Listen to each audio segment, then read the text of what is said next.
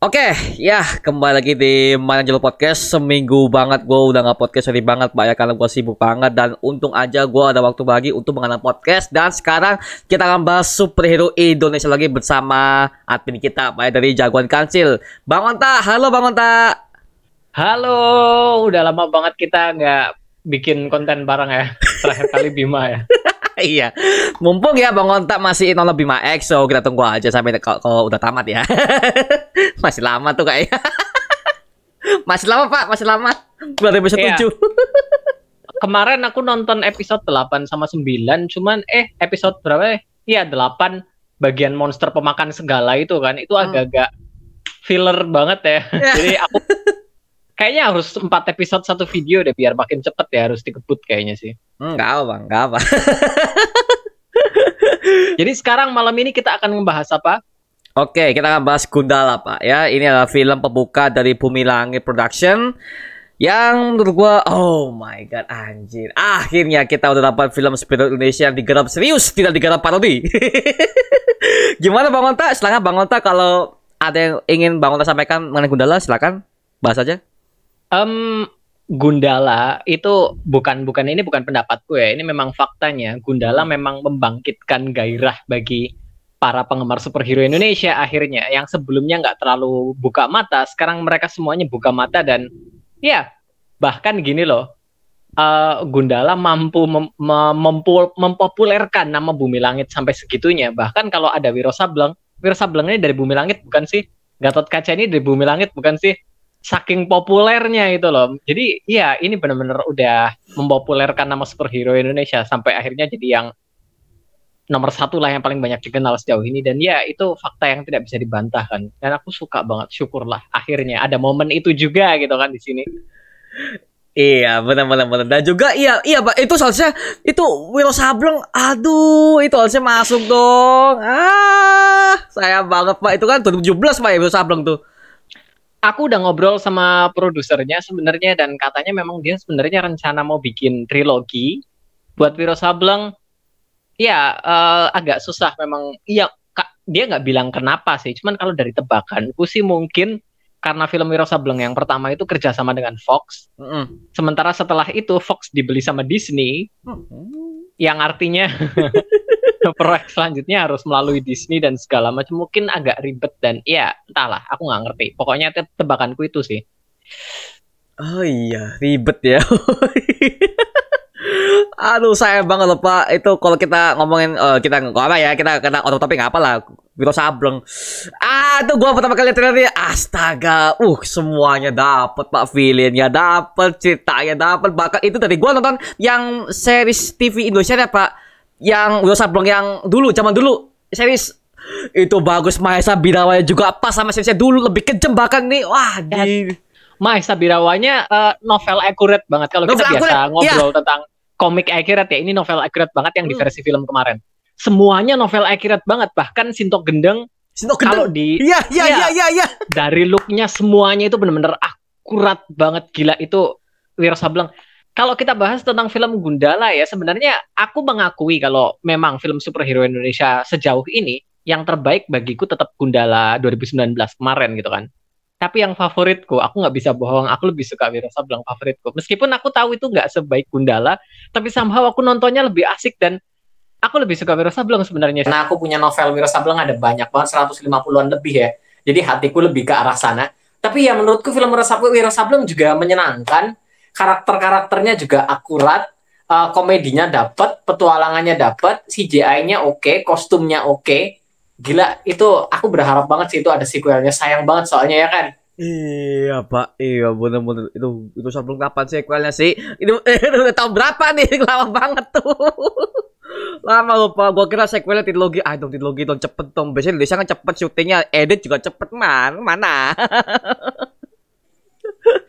ah, gitu sih pak. Oke, tapi kalau kita bahas Gundala pak ya. Iya, memang sih gue setuju bahwa Bang Ota mengatakan bahwa ini gara-gara Gundala, Bumi Langit semakin dikenal. Yes. Oke oke oke oke. Tapi Pak, kalau gua bahas Gundala, kalau gua menurut gua ya, gua ketika nonton Gundala pertama kali ya di bioskop tuh, wah, astaga anjir. CGI ya dapat, maaf nih kalau gua kita bahas sebenarnya pasti yang gak jauh-jauh dengan CGI Pak ya, CGI dapat ceritanya dapat banget cerita ini lebih ke DC. lebih ke DC banget karena ini gua ngeliat ini kayak The Dark Knight, Pak. Kayak siapa? Kayak siapa namanya yang jadi kayak Jim Gordonnya lah. Siapa di situ di Gundala siapa namanya? Pak Agung, ada namanya Pak Agung. Iya, yang yang bagi DPR, yang bagi DPR yang ngomong Oh, Ridwan Bahri. Ya, ini mah Bahri ya. Itu kan kayak Jim Gordon sama Batman, Pak. Itu gue eh, ini Jim Gordon Oh, sama benar Batman sih. juga sih, benar juga ya. Ah, ya. Ini Jim Gordon sama Batman nih.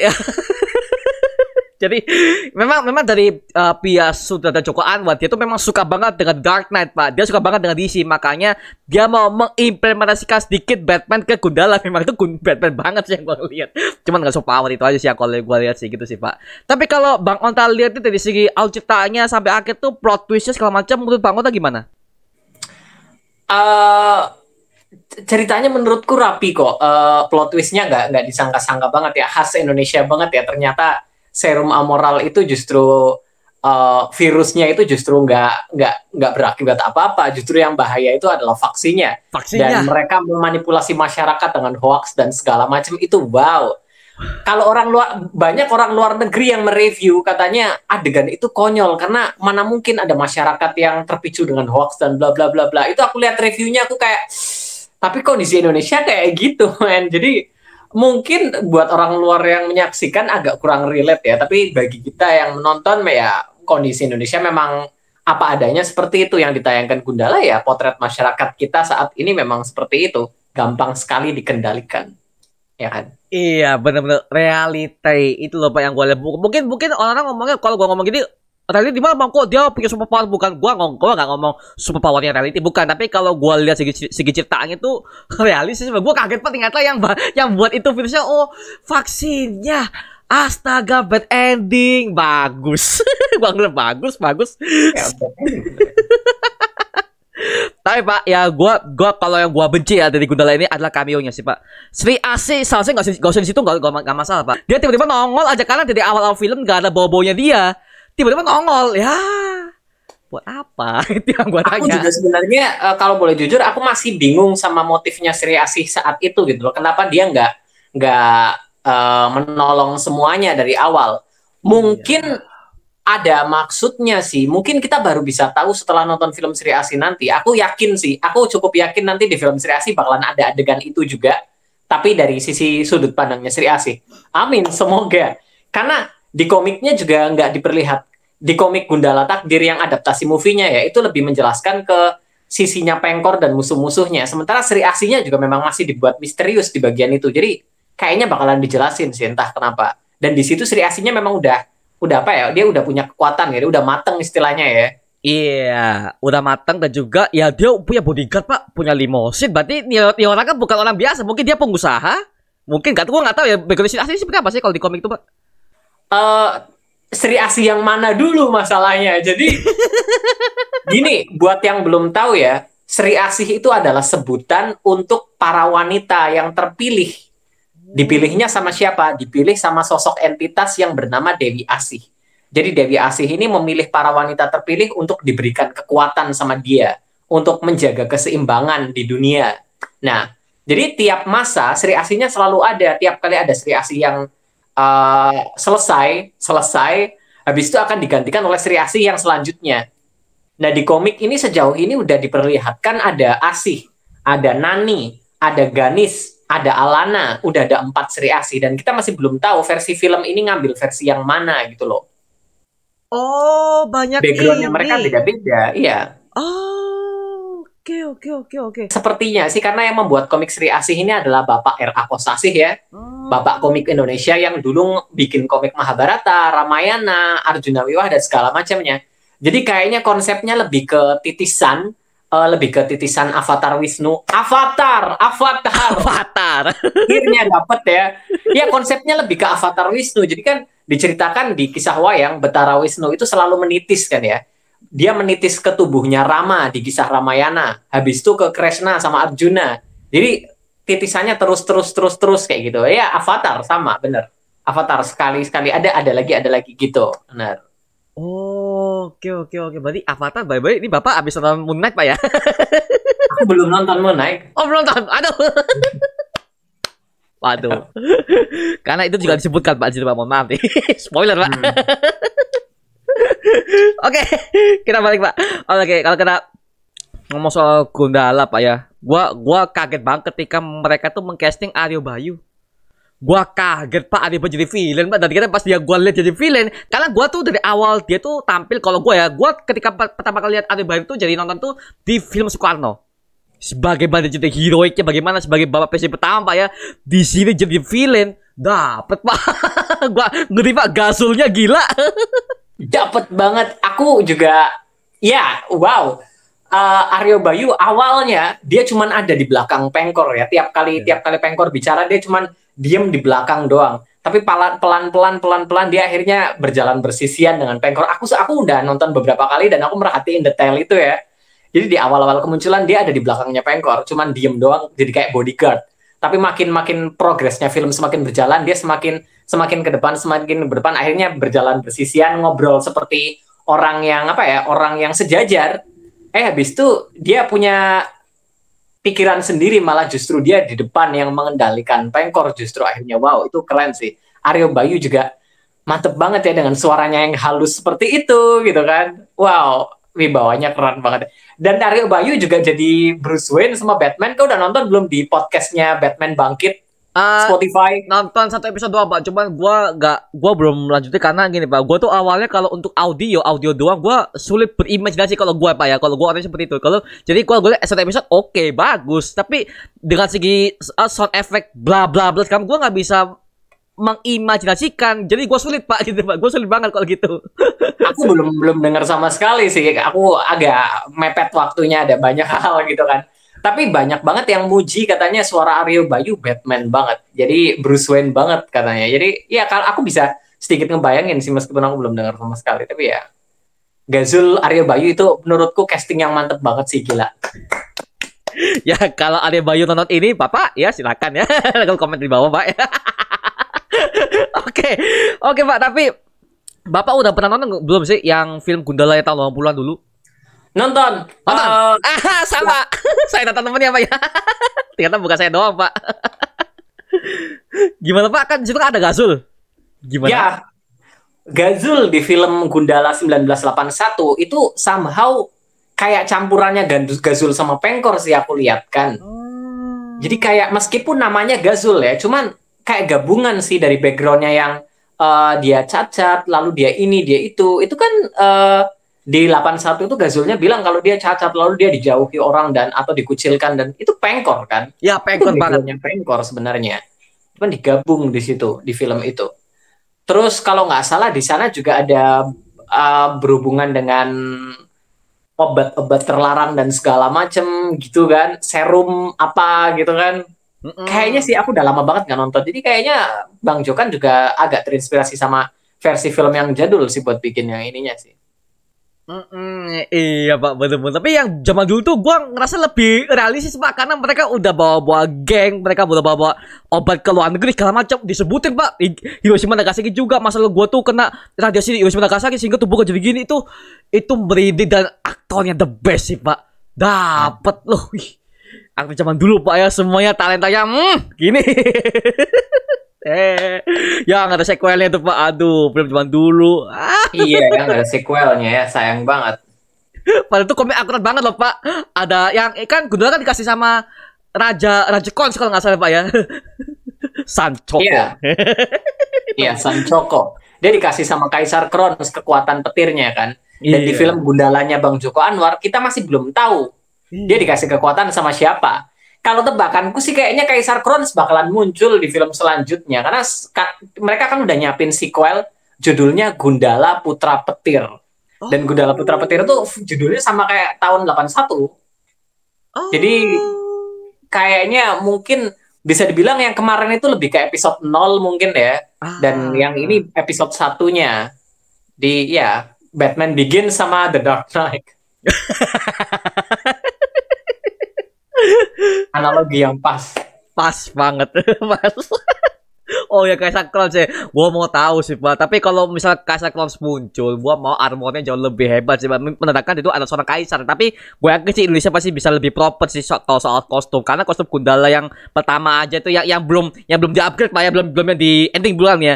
Kostum yang pertama pakai jari kulit aja itu itu udah inovatif banget sih, Pak. Anjir gue liat Gundala kok pakai kostum merah. oh, homemade masih anpat ingat.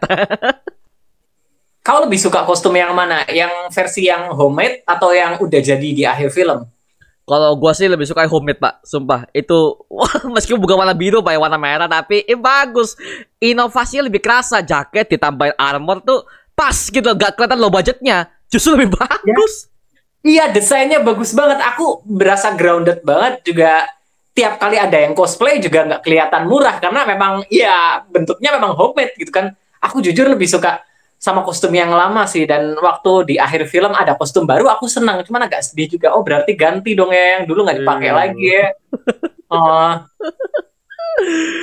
Tapi Pak di ending tuh itu Bapak masih ini masih udah udah nemu gak sih? Itu kostum katanya ini ini dari rakyat.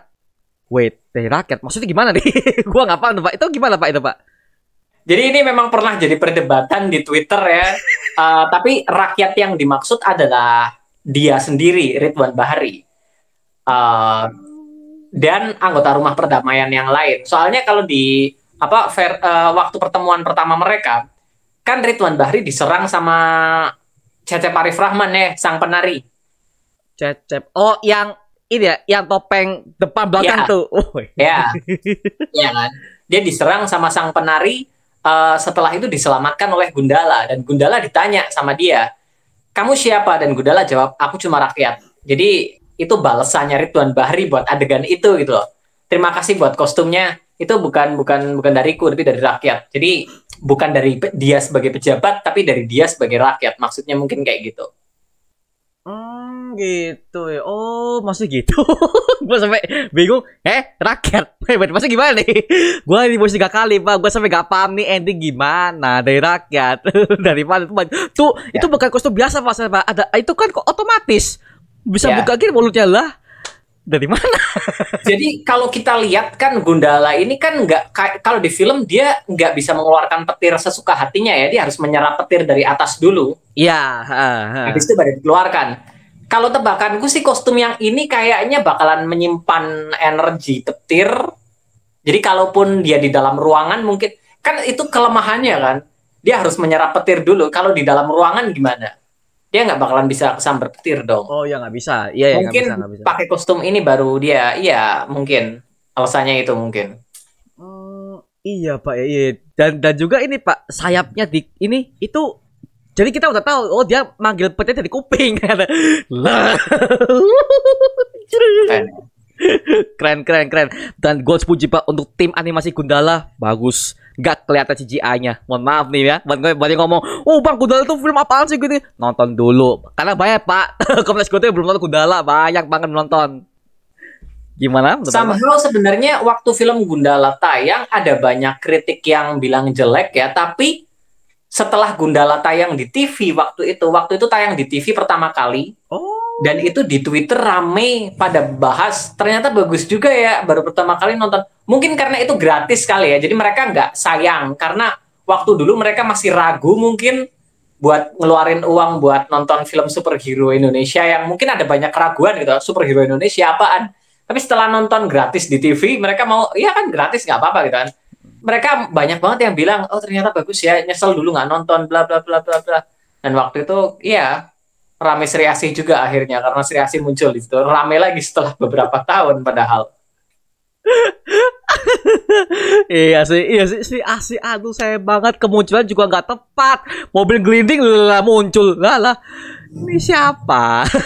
Tapi kerasa banget ya sih waktu uh, Sri Asih adegan akhir, waktu Sri Asih masuk ke mobil, Hmm? ya kan? Dia akan butuh butuh apa? Dia akan butuh bantuanmu Sri Asih. Aku ngerasa kayak apa ya deja vu waktu meskipun adegannya nggak bisa dibilang sama sih.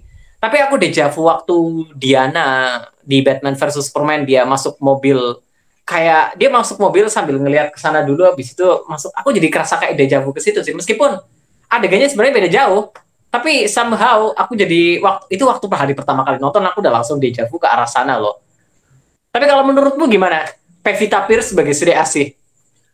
Eh, kalau secara, secara fisik pak ya, kita ngomong secara fisik pak ya. Kalau secara fisik dari segi kostum dia pakai mahkota, mak- mahkota ya. Dia pakai mahkota atau? Enggak sih, dia nggak pakai mahkota. Ini, Pak, ya? cuman rambutnya diikat aja gini kayaknya sih.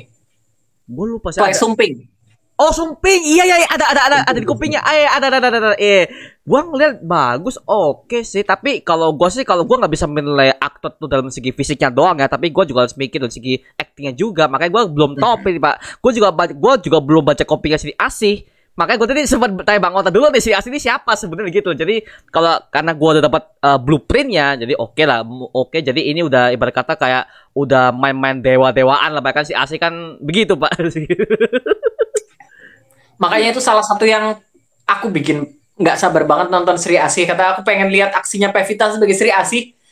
Karena kalau fisik ya, ya oke, oke, oke sih. Badannya juga udah makin berotot gitu kan waktu dia syuting Sri Asih kan bener-bener dedikasinya mantep banget. Aku suka banget. Cuman aksi dia, penampilan dia sebagai Sri Asih itu aku penasaran sih apakah dia bisa setidaknya sebagus Abimana sebagai Sancaka Gundala karena aku suka banget uh, penampilannya Abimana sebagai Gundala itu wow aku aku suka banget canggungnya dia gitu kan dapat semuanya menurutku sih ah gila Oh, oh, Abimana ya. Oh ya, memang jadi San- Sancaka itu itu kaget sih, Pak. Karena gini, gua awal mikir Gundala itu adalah Sancaka ini adalah seorang profesor seperti kita udah di film uh, film lama ya, Pak.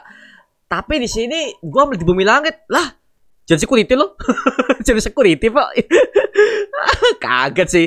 Waduh, dirubah banget sama bumi langit ya. Tapi bagus. Tapi di sini gua yakin sih kenapa bumi langit itu merubah semuanya agar si mereka kan mau menceritakan masa lalu si Gundala yang sangat kelam, Pak ya. Itu kelam tapi gue protes ya pak. Ya mohon maaf nih mohon maaf nih. Ada hal yang gua itu ada hal yang harus gua tuh pertimbangan. Karena yang ketika Sancaka itu kecil itu menurut gua kelamaan. Itu menurut gua kelamaan pak. Nah.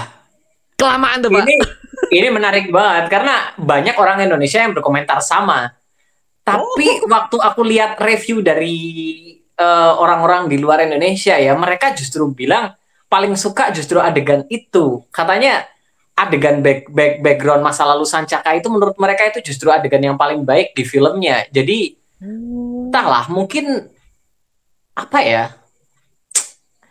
Mau dibilang beda budaya juga mungkin mereka lebih oh mungkin mereka udah ya udah terlalu banyak nonton film DC dan Marvel yang tiap tahun ada beberapa gitu kan. Mungkin mereka merasakan fresh ada sesuatu yang beda menggali masa lalunya lebih dalam mungkin atau apalah aku nggak aku nggak ngerti. Mungkin adegan di jalanan bagi mereka itu menarik lebih drama dan segala macam salah tapi ya pendapatnya bisa beda gitu ya Eh, mayoritas di negara kita emang pada bilang adegan waktu masa kecil terlalu lama. Teman-temanku juga bilang kayak gitu sih. Aneh ya. kalau bang Kota gimana bang Kota lu adegan masih kecil itu Gundala itu gimana Eh, adegan masa kecil eh, menurutku aku aku menikmati banget sih. Muzaki keren banget Muzaki waktu jadi Sancaka kecil. Kayak Awang juga itu Awang bener-bener disukai sama banyak ibu-ibu waktu itu loh. Awang-awang kecil.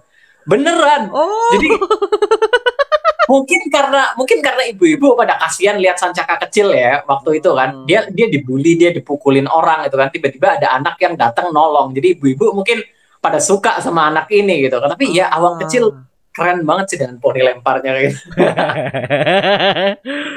itu oh ya pak. Itu itu, godam pak ya. Kita tahu ya itu itu adalah istilah Oh. godam. Gue tahu itu istilah Godam. godam. Tapi by the way ya untuk soal godam is okay nggak apa-apa. Dia mau ada dia orang yang latih sancaka dari kecil fighting gimana gue tahu. Itu anaknya Kang Cecep loh. Oh oh anaknya. Oh. Dan kalau nggak salah dia juga muncul di film Wiro Sableng loh. Eh serius? Yang mana pak? Wow, wow, dia jadi Wiro dia, dia di- jadi Wiro Sableng kecil. Wirosa oh yang remaja ya pak ya? Yang, yang, yang remaja ya ya. Oh. Dan dia juga muncul di Satria Garuda Bima X. What? Episode mana pak? Pak pak kasih tahu pak episode mana? Aku aku belum nonton jadi aku nggak tahu. Kalau kau penasaran kau coba cari aja Satria Garuda Bima Faris Fajar namanya Faris Fajar kau googling aja nanti ketemu aku mau mau coba nyariin aku takut spoiler karena aku Oh. belum nonton gitu kan tapi iya dia dia main di Satria Garuda Bima dia main di Biro Sableng setelah itu dia main di Gundala dia benar-benar ke sana ke sini di jagoan Indonesia udah bukan pertama kali sih Oh, oh jadi udah portofolionya dia ya. Jadi gak, gak langsung gabung blub gitu aja. Oh, Oke oke oke oke oke. Oh anaknya. Bang Cecep Pak ya? Iya, anaknya kan Cecep Arifal. Anjir, pantesan kok fightingnya kok halus. Gue ngeliatin anjir kok halus banget nih. Halus apa? Halus dan cepet. Halus dan cepet. Itu wih, gila nih. Itu mulus. Ini gua kira mungkin stuntman lah ya. Lihat kita tahu lah stuntman. Enggak loh, Pak. Dia Pak asli Pak. Dia kan pernah Insta story Pak. Wah anjir dia lo ternyata lo lihat sendiri. Mantap. Dia tapi dia juga jadi stuntman sebenarnya di film Gundala. Dia jadi stuntman-nya Destiny kita yang cewek pelajar Asmara Abigail. Eh, serius? Kan laki tuh, Pak. Iya, iya benar. Dia Anjir. ada ada fotonya kalau nggak salah sih dia pakai kostumnya Destiny kita kalau nggak salah. Oh. gitu. Jadi ya Oh itu itu itu itu the way kalau kita ngomong soal anak-anak pengkor pak ya. Yang paling sadis, yang paling sadis itu pak. Yang yang cewek pelajar itu pak. Bunuh lawan itu krek uh, waduh. Waduh. Tancep tancep kalau anak pengkor ya, aku udah pernah bahas ini di YouTubeku sih. Cuman aku pernah bahas anak-anak pengkor satu persatu kan ya. Hmm. Dan setelah aku perhatikan dari semuanya, mereka itu eh, gini aku bahas biar lebih jelas dulu ya. Jadi kalau di komik Gundala Takdir, buat kalian yang belum baca, kalian bisa beli komiknya. Ini adalah komik Gundala movie adaptation, judulnya Gundala Takdir. Dan ini nyambung ke filmnya, bisa dibilang pelengkap filmnya lah ya. Dan di sini diceritakan kalau 10 anak bapak itu mereka semuanya yatim, tapi yang menjadikan mereka yatim adalah pengkornya itu sendiri. Jadi pengkor memanipulasi banyak hal yang membuat akhirnya eh, orang tua mereka semuanya meninggal. Setelah itu mereka dirangkul sama pengkor untuk untuk dijadikan anaknya dia. Lalu dilatih, dilatih, dilatih dan dilatih. Mau kamu mau jadi apa? Diberikan. Eh, mau jadi pelajar, mau jadi koki, mau jadi perawat, mau jadi ini disekolahkan sampai semua keinginannya itu tercapai gitu loh. Jadi ya itu semuanya dari dan dari mereka semua yang sudah membunuh sebelum bertemu pengkor itu cuma satu orang. Jadi kan mereka kan dilatih untuk membunuh sama pengkor kan. Tapi Iya. sebelum ketemu pengkor ada satu orang yang memang udah ngebunuh dan itu destiny kita. Dia waktu dari kecil dia udah udah ngebunuh orang. Pria dewasa pula yang di- dia bunuh waktu itu. Tapi waktu itu dia belum ketemu sama pengkor. Jadi anak ini memang menurutku sih lumayan ya lumayan Oh, oke oke oke oke. Oh, diciptakan ya. By the way, gua udah beli, Pak. Mohon maaf nih, gua udah beli komik Gundala Movie Adaptation itu harga 50.000 ribu di Google Play ada, gua beli digital. Ada gua gua gua baca awal-awal doang sih. Gua lihat awal-awal Pengkor tuh masih kecil Pengkor itu lebih lengkap di movie adaptation. Mohon maaf nih. ada ada itu bahkan lebih kejam, lebih kejam di komik bangsat ini kali di, di movie. Aduh. Yes. Joko Anwar. Ya mungkin mungkin durasi pak ya. Mungkin durasi. Wah gue mau durasi segini dipotong nih. Ya udahlah. Aduh saya banget sih pak. Mohon maaf nih. Ya buat yang belum baca komik Gundala movie adaptation ada di Google Play. Kalau kalian merasa repot mau beli buku fisiknya ada. Google Play banyak ada. Oke pak. Kalau tapi kalau bap- ah, bapak sadar sih nggak? Kalau yang bapak masih kan salah satu anak pengkor yang pandai besi? Itu Aming loh pak Ya, aku eh, yang pemahat satu ya. Aku baru nonton. Jadi waktu gala premier aku kan diundang ke Jakarta gitu kan ya. Oh, Itu waktu aku lihat kok Aming datang dia jadi siapa gitu kan. Aku udah lihat Aming. Habis itu ada Ari Tulang juga. Aku kaget Ari Tulang, Aming. Tapi waktu nonton filmnya aku baru tahu oh Ari Tulang yang sare udah kelihatan gitu kan.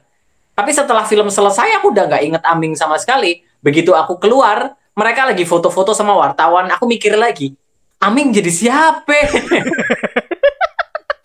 jadi kayak oke. Terus besoknya aku pulang ke Pekalongan, teman-temanku di sini ngajak nonton lagi. Aku nonton baru aku ngeh, astaga dia. Wow, nggak ngenalin sama sekali, men. Gila itu transformasinya luar biasa. Luar biasa pak. Sumpah gua kaget pak. Kita lihat Aming dari zaman zaman bapak masih nggak sih? Zaman zaman extravaganza Trans TV Menurut saya. ah zaman saya dulu itu. Itu gue liat Aming seperti itu. Tapi di sini anjir pria banget pak. Gua ngeliat dari pose tubuhnya udah berotot.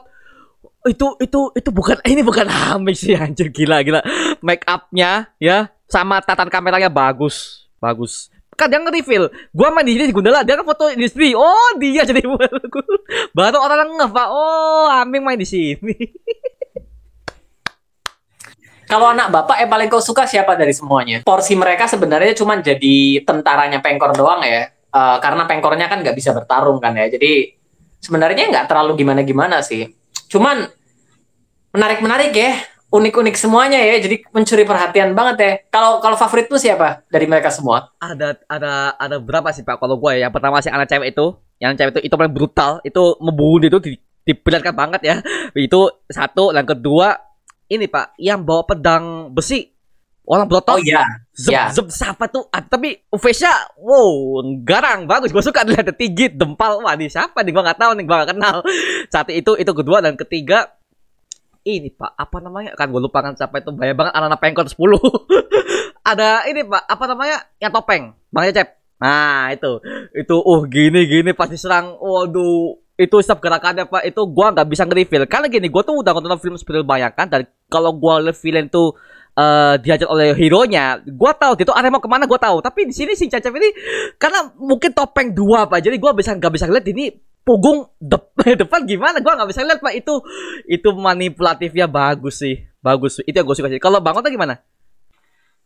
Ya, eh, Kang Cecep memang kalau di deskripsi karakternya memang katanya eh, pu- apa gerakan-gerakannya memang tidak bisa diduga katanya seperti itu kalau di deskripsi karakternya. Kalau aku sukanya eh kayaknya aku suka Destiny kita sih. Aku suka Destiny kita waktu dia benar-benar dapat dapat SMS, dapat telepon dari bapak gitu, semuanya benar serius. Dia nyengir sendirian itu aku udah Iya. takut sih kayaknya. Ini cewek beda sendiri nih gitu kan. Eh, Iya. Selain itu siapa ya? Aku suka Aming Pang Pepahat ya. Eh, karena dia senjatanya palu gitu kan, agak serem juga sih tok tok gitu kan. oh, Sama ada banyak sih aku yang ini pak yang yang botak kacamata itu siapa namanya yang sir sir Oh iya, itu si Sare, si sang pembisik Kamalat Maja, itu kayak soal ini ya, aku sebenarnya punya teori sih. Aku udah pernah ngobrol di Keramex waktu itu. Hmm. Eh, soalnya namanya dia itu unik, namanya dia itu Kamal Atmaja ya. Padahal Atmaja itu kalau di komik itu namanya Pengkor, oh bukan namanya itu. Sementara di film namanya Pengkor justru Haidar Subandi. Jadi agak aneh gitu kan. oh aku agak punya sedikit teori mungkin jangan-jangan Kamala Atmaja ini bakalan jadi the next Pengkor yang diceritakan di komiknya. Karena looknya mirip, dia agak berdirinya agak bungkuk gitu kan, rambutnya agak botak juga, dia botak. Cuman kalau di komiknya ada rambutnya sedikit gitu kan. Terus juga namanya juga sama-sama Atmaja. Sementara kalau di film jadi beda banget gitu kan. Kali ya kalau kalau menurutku sih kayaknya ini disi- dipersiapkan gitu buat jadi pengkor generasi kedua sih kayaknya. Teori doang. Jangan dipercaya dulu. teori ya teori ya. Tapi itu itu bagus-bagus suka dia tuh memanipulasi orang tuh bisa. Manipulasi itu dalam segi visual. Itu itu gue suka sih. Yang yang bapak masih ingat gak sih? Yang korban pertamanya dia yang satu keluarga di hotel tuh suaminya jatuh itu aduh aduh itu itu itu. Gimana pak? Menurut bapak itu? Jadi ini eh, aku sempat sempat bedah beberapa kali ya dan aku sadar waktu adegan ketika dia lari lalu dia jatuh ke gedung itu backgroundnya itu beda. Backgroundnya itu lebih cahaya lampunya itu merah ya. Sementara waktu dia ngelihat anak dan istrinya di tali digantung itu lampunya biru backgroundnya. Jadi kayaknya itu dua adegan yang berbeda. Kayaknya sih itu eh, dia ada gimana ya? Kalau menurutku ya kekuatannya Kamalat Maja ini dia menangkap orang untuk dimasukkan ke sebuah dunia ilusi Zakros iya gampangnya ya. Sepertinya Kamalat Maja menciptakan sebuah realitas palsu lalu dimasukkan ke situ. Jadi setelah si pejabat ini sare kayak gitu, dia udah udah udah langsung pikirannya langsung ke mana-mana. Seakan-akan dia sedang diikat di kursi, lalu ngelihat istrinya digantung, habis itu dia lari. Padahal dia nggak diapa-apain, dia cuma dihipnotis doang. Istrinya sama anak-anaknya lagi di kamar, lagi santai, lagi tiduran, nggak tahu apa-apa. Tapi karena dia dihipnotis, akhirnya ngejar istrinya yang jatuh ke situ, justru akhirnya dia jatuh. Jadi orang-orang lihatnya dia mati bunuh diri. Jadi Pengkor ngebunuh dia dengan tangan bersih, nggak nyentuh, nggak apa-apa gitu loh. Kayak bahkan CCTV pun ngelihat dia ya dia jatuh bunuh diri gitu loh, nggak nggak diapa-apain gitu kan. Ah, iya dan tidak ada pengkor dan itu pak kalau kamar aja kan di situ mereka ngawas dari dari Iya. dari jauh nah. Iya, waktu adegan jatuh itu Pengkor lagi ngeliatin dia di bawah, Ah. lagi di dalam mobil gitu kan, lagi ngeliatin. Jadi ya itu wow. Kamalat Maja kekuatannya memang Zakros sih mirip agak nggak mirip sama Zakros gitu kan. Eh. Dan tampilan fisiknya juga bagus. Gue gua gua suka banget lihat itu pakai kacamata hitam, botak, pakai shell gitu. Ini ala-ala witch banget ya, ala wizard banget emang lihat. Ya kayak kayak kayak gimana gitu. Aduh, oke. Kalau ini Pak, gua mau bahas ini Pak, mohon maaf nih kita bahas soal kekurangan Gundala nih. ini Iya. Bang Uta jangan kecewa nih kalau kalau ini eh, soal kekurangan satu Pak. Ini yang gua sangat terganggu banget ketika gua nonton tiga kali. Mohon maaf ya, gua nonton tiga kali di bioskop Gundala. Tiga kali dan gua melihat ada banyak kekurangan terutama soal dialog. Mohon maaf nih Pak, dialognya jangan baku. Dialognya Iya, banyak yang sangat bilang baku. begitu ya. Iya, gini loh Pak. Mohon maaf ya, gue tahu Indonesia itu adalah eh, bahasa Indonesia harus baku, tapi kan gak di film juga dong. Masih gini loh. eh, mereka pas di DPR ketika mereka rapat untuk soal serum Amarol ini itu gue suka karena apa bahasa bakunya cocok di DPR cocok malah lah bicara eh, harus, harus baku cocok tapi kalau pas di eh, di kehidupan sehari-hari kan gak gitu juga pak baku loh saya. Lah saya. Weh, ini ini ini komik banget. Makanya ini maaf skripnya terlalu bagus sih pak. Gak sesuai kata gak sesuai gak sesuai keadaan. Itu enggak ada mereka ngelang preman juga baku. Mereka bahasa sehari juga baku. Gua nggak merasa ini adalah film Indonesia bebas gitu loh pak. Jadi salah penempatan. Ini yang gua lihat sih. Itu yang gua lihat ya pak. Jadi gua ngerasa anjir. Gua nggak merasa film ini hidup. Sayangnya sayangnya seperti itu pak. Karena dialog sih pak. Itu Ya dialog baku banyak yang bahas sih sebenarnya. Sebelumnya aku nggak terlalu sadar ehm, di trailer Satria Dewa Gatot Kaca kemarin juga banyak yang bilang dialognya baku. Aku juga nggak sadar sebenarnya. eh entahlah. Kalau kalau kalau diperhatikan ngomongnya saya ya memang sih. Tapi waktu aku nonton aku nggak terlalu merhatiin. Karena mungkin bahasa aku tiap hari juga aku nggak pakai bahasa Indonesia, aku pakai bahasa Jawa tiap kali ngomong gitu kan. Jadi Uh, mungkin buat orang-orang daerah itu nggak terlalu iya iya ah, ka- tapi kalau kalau buat orang yang biasa ngomong pakai bahasa Indonesia dan ngerasa itu baku ya berarti mungkin itu lebih valid kali ya buat pendapat kalian. Tapi aku jujur nggak ngerasain sama sekali sih. Aku nggak ngobrol pakai bahasa Indonesia soalnya kan paling cuma di YouTube gini aja. Di YouTube pun bahasaku sebenarnya banyak yang baku juga Aduh, tapi kalau bang, kalau buat konten gak masalah pak. Eh, kalau bang konten gak masalah sih. Tapi kalau untuk sehari-hari, oh bang, oh bang tak bahasa Jawa bisa ya? Bahasa Jawa Surabaya gitu? aku bahasa Jawa di Pekal beda sama Surabayaan sih sebenarnya bahasa Jawanya Oh, oh beda. Oh. beda yo banyak banyak macam bahasa Jawa itu Oh. Gak susah. Oke oke. Karena saya juga orang Surabaya pak ya. Saya juga orang Jawa di sini. Aku juga ngomong sehari juga ngomong bahasa Jawa juga pak. Ya apa ini gini gini ya. ini ini buat kalian orang Surabaya ya pasti tahu lah gua ngomong apa ini. Gini gua ngomong Jakarta cuma di YouTube doang ya. Saya nggak gitu nih kok gua. Oke, eh, eh, kita bahas apa lagi ya Pak? Ini Bang Ota mau bahas apa lagi soal Gundala nih? Mungkin ada yang mau dibahas gitu? Ah, ini ada beberapa titipan ya aku coba cari dulu wow mayoritas pada nanyain film Sri Asih dong Waduh. oke eh, Sri Asih ngapain naik mobil? Kan dia bisa terbang. Tapi kalau bisa terbang juga superhero lain banyak yang Superman juga naik mobil dan segala macam kok. Kan capek ya. Kita juga bisa jalan tapi kita naik mobil tetap gitu kan Eh gini ya, kalau gua jawab ya sebenarnya kan nggak nggak nggak setiap hari nggak pakai kekuatannya kan, nggak ya kan buat identitasnya nyamar, biar nggak diketahui, kelihatan banget mereka nggak pernah nggak pernah lihat Superman pak ya, Duh. apakah kekuatan anginnya Gundala nanti akan diadaptasikan ke film? Wow. Jadi kalau di komik itu ya, kekuatannya Gundala itu ada dua. Dia bisa uh, apa? Dia bisa mengeluarkan petir dan dia juga bisa berlari secepat angin. Karena ini didapatkan dari dua raja. Yang kekuatan petir didapatkan dari raja petir, yang dia bisa berlari secepat angin itu didapatkan dari raja kerajaan angin. Oh, tuh Ya. Ya, tapi kalau kekuatannya yang nomor dua itu baru dapat di cerita buku nomor dua sih. Jadi mungkin kalau di film kedua mungkin nanti baru dapat. Ya, aku belum yakin sih. Aku sendiri nggak yakin sih. Karena kok kayaknya ada banyak banget yang bisa dibahas di film ya kayak Kiwi Lawuk kan. Terus asal usul kerajaan petirnya kayak terlalu kalau kekuatan angin kok kayak terlalu gimana ya? Kayak terlalu banyak ma, ma iya, aku nggak yakin sih. Kekuatan angin. Berarti kalau lari cepat angin kayaknya kayak The Flash Pak ya. Ya gua tadi itu kayak The Flash banget sih. Kalau kekuatan The Flash nggak secepat angin dong.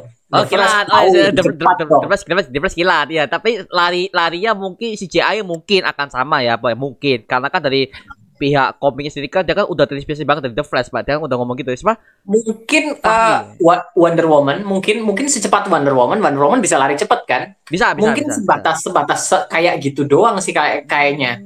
Kalau The Flash itu kan bener-bener dia lari sekarang nyampe nya kemarin gitu kan. Dia udah udah ubah jalur waktu gitu kan ya. Iya. Jadi kayaknya kalau buat secepat The Flash kayaknya enggak sih. Enggak sih, enggak, enggak sampai berubah multiverse ya. Ya, ini buat yang ngomong, "Oh, Bang, nanti Gundala sempat The Flash." Oh, kagak, berubah multiverse ya, bumi langit. Please. Enggak sampai ke situ. Terus ini ada lagi apakah Gundala itu pemimpin dan foundernya Patriot? Wow, ini Wow. Menurutmu siapa pemimpin dari Patriot? Kodam. Salah. Tebak Bukan ya? lagi. Waduh. Tidak tahu, Pak. Aquanus mungkin bukan ya? Salah.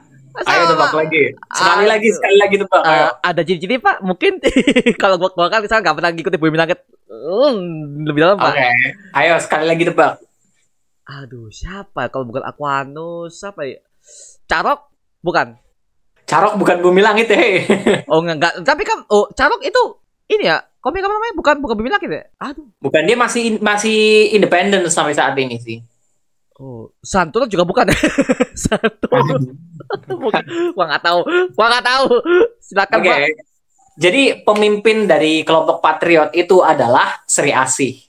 Dari zaman dulu banget pemimpin dari kelompok Patriot itu Sri Asih. Jadi eh lead ya leader leader ini udah ditunjukkan berkali-kali sih karena mungkin dia yang paling tua juga gitu kan yang paling awal komiknya tahun 50-an sementara yang lain kan baru tahun 70-an 80-an mungkin sih ya. Plus dia juga jagoan yang paling kuat di situ kan. Jadi ya dia akhirnya jadi pemimpin mereka. Oh, Sri Asi. Oh. Iya.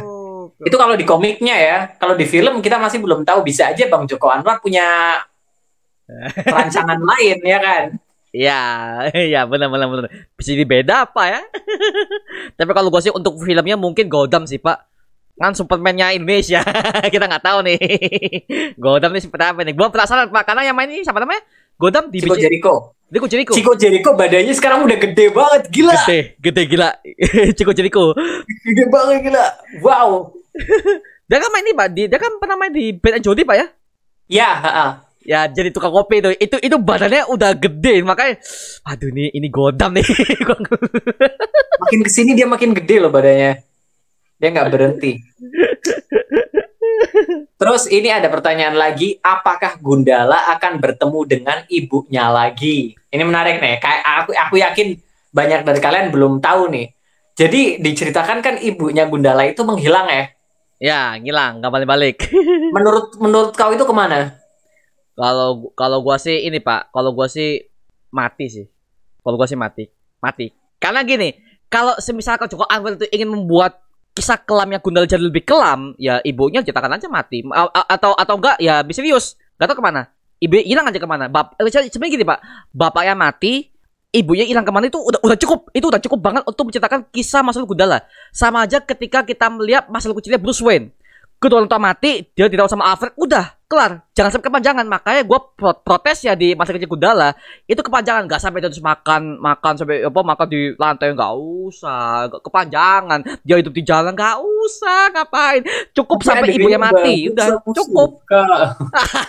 Tapi benar juga sih, benar juga sih. Eh, kayaknya kalau nggak ada itu pun juga nggak masalah sih. Cuman mungkin itu ngebantu background karakternya lebih kuat lagi. Tapi ya benar juga sih kalau itu dibuang nggak masalah sih. Cuman kalau aku jadi sutradaranya dengan itu nggak akan kubuang juga sih. Itu bagus menurutku sih. Tapi gini, kalau di komiknya ya, eh, di komik versi baru ini diciptakan juga komiknya sama Pak Hasmi. Cuman ini komiknya komik Gundala versi baru ya. Terbitnya di maja di ko- eh, koran Kompas kalau nggak salah. Jadi di situ diceritakan kalau Gundala ini lagi diganggu sama Pengkor, terus dia mimpi buruk ya. terus dia bangun di samping Wulan jadi ceritanya mereka udah nikah gitu ya Wulan sama Gundala Ah, iya, terus iya. Gundalanya itu dikatakan mimpi buruk lagi dia cerita kalau ayahnya mati dibunuh terus ibunya dijual di perdagangan manusia Oh. kayaknya versi film juga ngikutin itu gitu loh Oh. perdagangan manusia jadi begitu Oh. Dan menariknya ya, Oke, oke, oke. kalau di komik Sri Asih juga pernah menghadapi kasus perdagangan manusia, perdagangan perempuan. Aku sih mikirnya ya, aku sih mikirnya ya, kayaknya bakalan disambungin itu. Semua kayaknya di film Sri Asih bakalan muncul ibunya Sancaka mungkin ya, amin. Amin. Wah, gua langsung langsung, langsung gua Bang Otto ngomong gitu, gua langsung ke-trigger. Berarti kedatangan si Asi di Gundala itu pasti ada alasannya. pasti ada alasannya. Ya itu gak, mungkin gara-gara itu, Pak. Mungkin si Asi mau ngerekrut Gundala, dia tahu ibunya itu ada di pedagang manusia. Mungkin di keduanya akan dijelaskan mungkin. Wah, ngerti langsung. Gua sekarang ngerti arah arah skripnya mau ke mana gua tahu nih. Tapi lagi-lagi kebanyakan cameo itu yang bang itu gak ngerti pak karena mohon maaf nih pak mungkin bang Oto kurang setuju pada sama pendapat gua. Tapi kalau gua sih untuk eh ketika si Sancaka ber- berlatih bertarung sama si si siapa namanya pak? Awang ng- ngapain sekarang gua tanya ngapain? Kan dia kan backgroundnya satpam security. Seharusnya kalau dia tuh akan apa apa ya dilatih bertarung ya si kakeknya ini kakeknya jadi satpam itu makanya ketika gua melihat si kakeknya mati dibunuh gak ngerasa pak gua pak. Kan screen Dia time pendek. mati loh. Mati pak, dia kan ditusuk pak. Hmm, ditusuk pak itu pak. Tapi ditusuknya di sini kan, di sini kan nggak vital dong. Ya tapi di filmnya mati. Gue ngeliat itu mati pak, blub mati itu pak. Mati Siapa? mati, mati mati mati itu pak. Gue masih lihat soalnya. Gue masih lihat di Netflix soalnya. Oh ya, ada di Netflix juga ya. Ada. Gue melihat. Iya, eh, Gundala itu kan Sancaka ya, masih belum jadi Gundala ya. Iya. Sancaka itu kan dilatih sama Awang karena dia hidup di jalanan ya. Dan Awang pernah cerita katanya jangan percaya sama orang kaya. Aku nyaris mati waktu itu. Ada orang kaya yang ngambil aku dan aku nyaris mati. Dia bilang kan, Hmm, hmm. kayaknya sih backgroundnya Awang itu dia gelandangan juga. Terus dia diadopsi sama orang kaya. Habis itu dia diapain, disiksa. Aku nggak ngerti lah. Pokoknya dia bilang dia nyaris mati waktu itu kan. Jadi kayaknya itu yang bikin Awang ngajari Sancaka buat ilmu bela diri biar dia bisa bertahan hidup di jalanan. Karena kan ya eh, keras banget ya anak-anak sana. Aku jujur kaget sih waktu ngelihat ada pengamen-pengamen yang anak-anak kecil sampai bener-bener motong telinganya Sancaka kecil waktu itu itu. Aduh, Dan aku shock. Ini 13 plus. itu jelas pak. Di set, waduh, waduh, waduh. Shock pak di studio pak, bangke nih. Jadi kayaknya memang harus bisa bertahan hidup di jalanan sih kalau dia sih. Dan gapnya banyak sebenarnya ya waktu Sancaka masih jadi anak jalanan sampai dia jadi satpam, entah apa yang terjadi di situ, gapnya banyak ya di komiknya juga masih belum diceritakan sih ya. Iya pak, iya. Tapi kalau lu Bang Onta kalau itu cocok, ah masalah sih pak ya. Kalau awang ngasih di situ buat mati dia. Tapi kalau gue sih kagak setuju gue, nggak setuju, nggak setuju. Kebanyakan kebanyakan cameo sih pak, memang kebanyakan cameo. Jadi ini film ini nggak bisa dijaga stand alone dulu. Itu loh pak, aduh. Eh, ngomong-ngomong, yang mumpung aku inget ya, Hah? film Gundala ini sebelumnya kan mau dibuat sama Hanung Bramantio ya. Oh iya Pak Anung, iya pernah Ya. pernah pernah pernah. Ha. Dan aku sempet baca sedikit bocoran skripnya, Ah. sinopsis gitu kan. eh dan aku sempet eh, ada Pak Andi Wijaya juga sempet bahas di Facebook. Kalau nggak salah sih eh, Godam itu memang disiapkan buat jadi bintang tamu di film Gundala. Jadi memang udah dipersiapkan sejak Oh. masa-masanya Hanung gitu kan si Godam ini muncul. Tapi bukan Awang, Godam. Godamnya artinya- langsung. Godamnya langsung. Jadi Oh. kayaknya memang ya ini mungkin dipersiapkan buat awal persahabatan mereka atau apa mungkin Bumi Langit pengennya seperti itu ya karena Godam dan Gundala itu kan apa ya ibaratnya ya Oh, mereka Batman Superman mungkin gitu kan tapi mereka nggak nggak bener-bener musuhan kayak Batman sama Superman waktu pertama kali ketemu ya lebih ke persaudaraan sih kalau mereka sih jadi mungkin memang dipersiapkan momennya kayak gitu sih mungkin karena itu cameo Godam tetap ada di versi filmnya Hanung Bang Oh. Jokan juga tetap ada jadi ya justru yang baru itu Sri Asih. Mungkin karena dipersiapkan buat film keduanya itu Sri Asih kali ya. Jadi Iya. sekalian nyambung gitu ya. Kita tunggu aja Pak ya mengenai update Bumi Langit karena sampai sekarang nih nggak ada sama sekali. Aduh, Tira aja itu aja informasinya belum ada Pak. Tira kapan nih Tira Virgo belum juga. Tapi by the way, ini Pak, Virgo itu gua lihat kok yang main secara JKT48 ya. Kok dia main musik? Ini Virgo ini sebenarnya hero apa ya? Jadi uh, Virgo ini ceritanya ya anak remaja biasa. Ah. Dia somehow memiliki kemampuan di luar kemampuan supranatural lah ya, kemampuan Iya, indera keenam atau apalah sebutannya. Dia bisa melihat warna dari suara. Kemampuannya dia itu itu, dia bisa melihat warna dari suara. Misalnya suara aku ngomong atau suara dari bunyi jarum jam dan segala macam suara binatang, dia bisa melihat kalau suara itu ada warnanya. Dan energi dari warna itu dia bisa rubah menjadi energi panas buat jadi listrik dan juga api, kobaran api. Dia kekuatannya dari situ. Uh, dan ener- energinya ini uh, waktu awal-awal sih nggak terkendali karena kan masih remaja gitu kan emosinya masih meletup-letup kelemahan remaja gitu kan jadi ya dia nggak terkendali kadang kalau dia lagi malu atau lagi marah atau lagi apa tiba-tiba kekuatan listrik sama apinya udah meletup-letup lah tapi Oh. Iya, dia diceritakan kalau dia ini anggota band. Dia ada dua orang temannya lagi. Mereka membentuk band bernama Virgo and the Sparklings. Tapi setelah itu, dia juga berhadapan dengan beberapa kasus. Jadi mau nggak mau, rasa dia yang merasa aku bisa berbuat sesuatu, itu jadi akhirnya. Jadi dia ini, apa ya, hidup dengan dua identitas. Eh, tiga. Tiga identitas sebenarnya. Yang pertama sebagai murid eh, murid kuliahan biasa, anak-anak kampus biasa, ya. Yang kedua sebagai idola remaja, yang ketiga sebagai seorang superhero. Jadi ya, Oh. jadi dapat tiga, dapat. tiga identitas itu benar-benar dia jaga biar sampai nggak ada yang tahu satupun kalau tiga orang itu sebenarnya sama satu orang gitu loh. Oh, oke oke. Tapi ini cewek Pak ya? Ya si ini siapa namanya? Alter ego-nya Pak? Namanya namanya siapa? Namanya Riani. Riani. Oke oke oke oke oke. Ya kebetulan yang main Sarah Pak ya. Jadi saya akan nonton. Tetap waifu saya itu Pak JKT48. Oh, botak banget ya. Oh, Wota dari SMP. Nggak pernah berubah.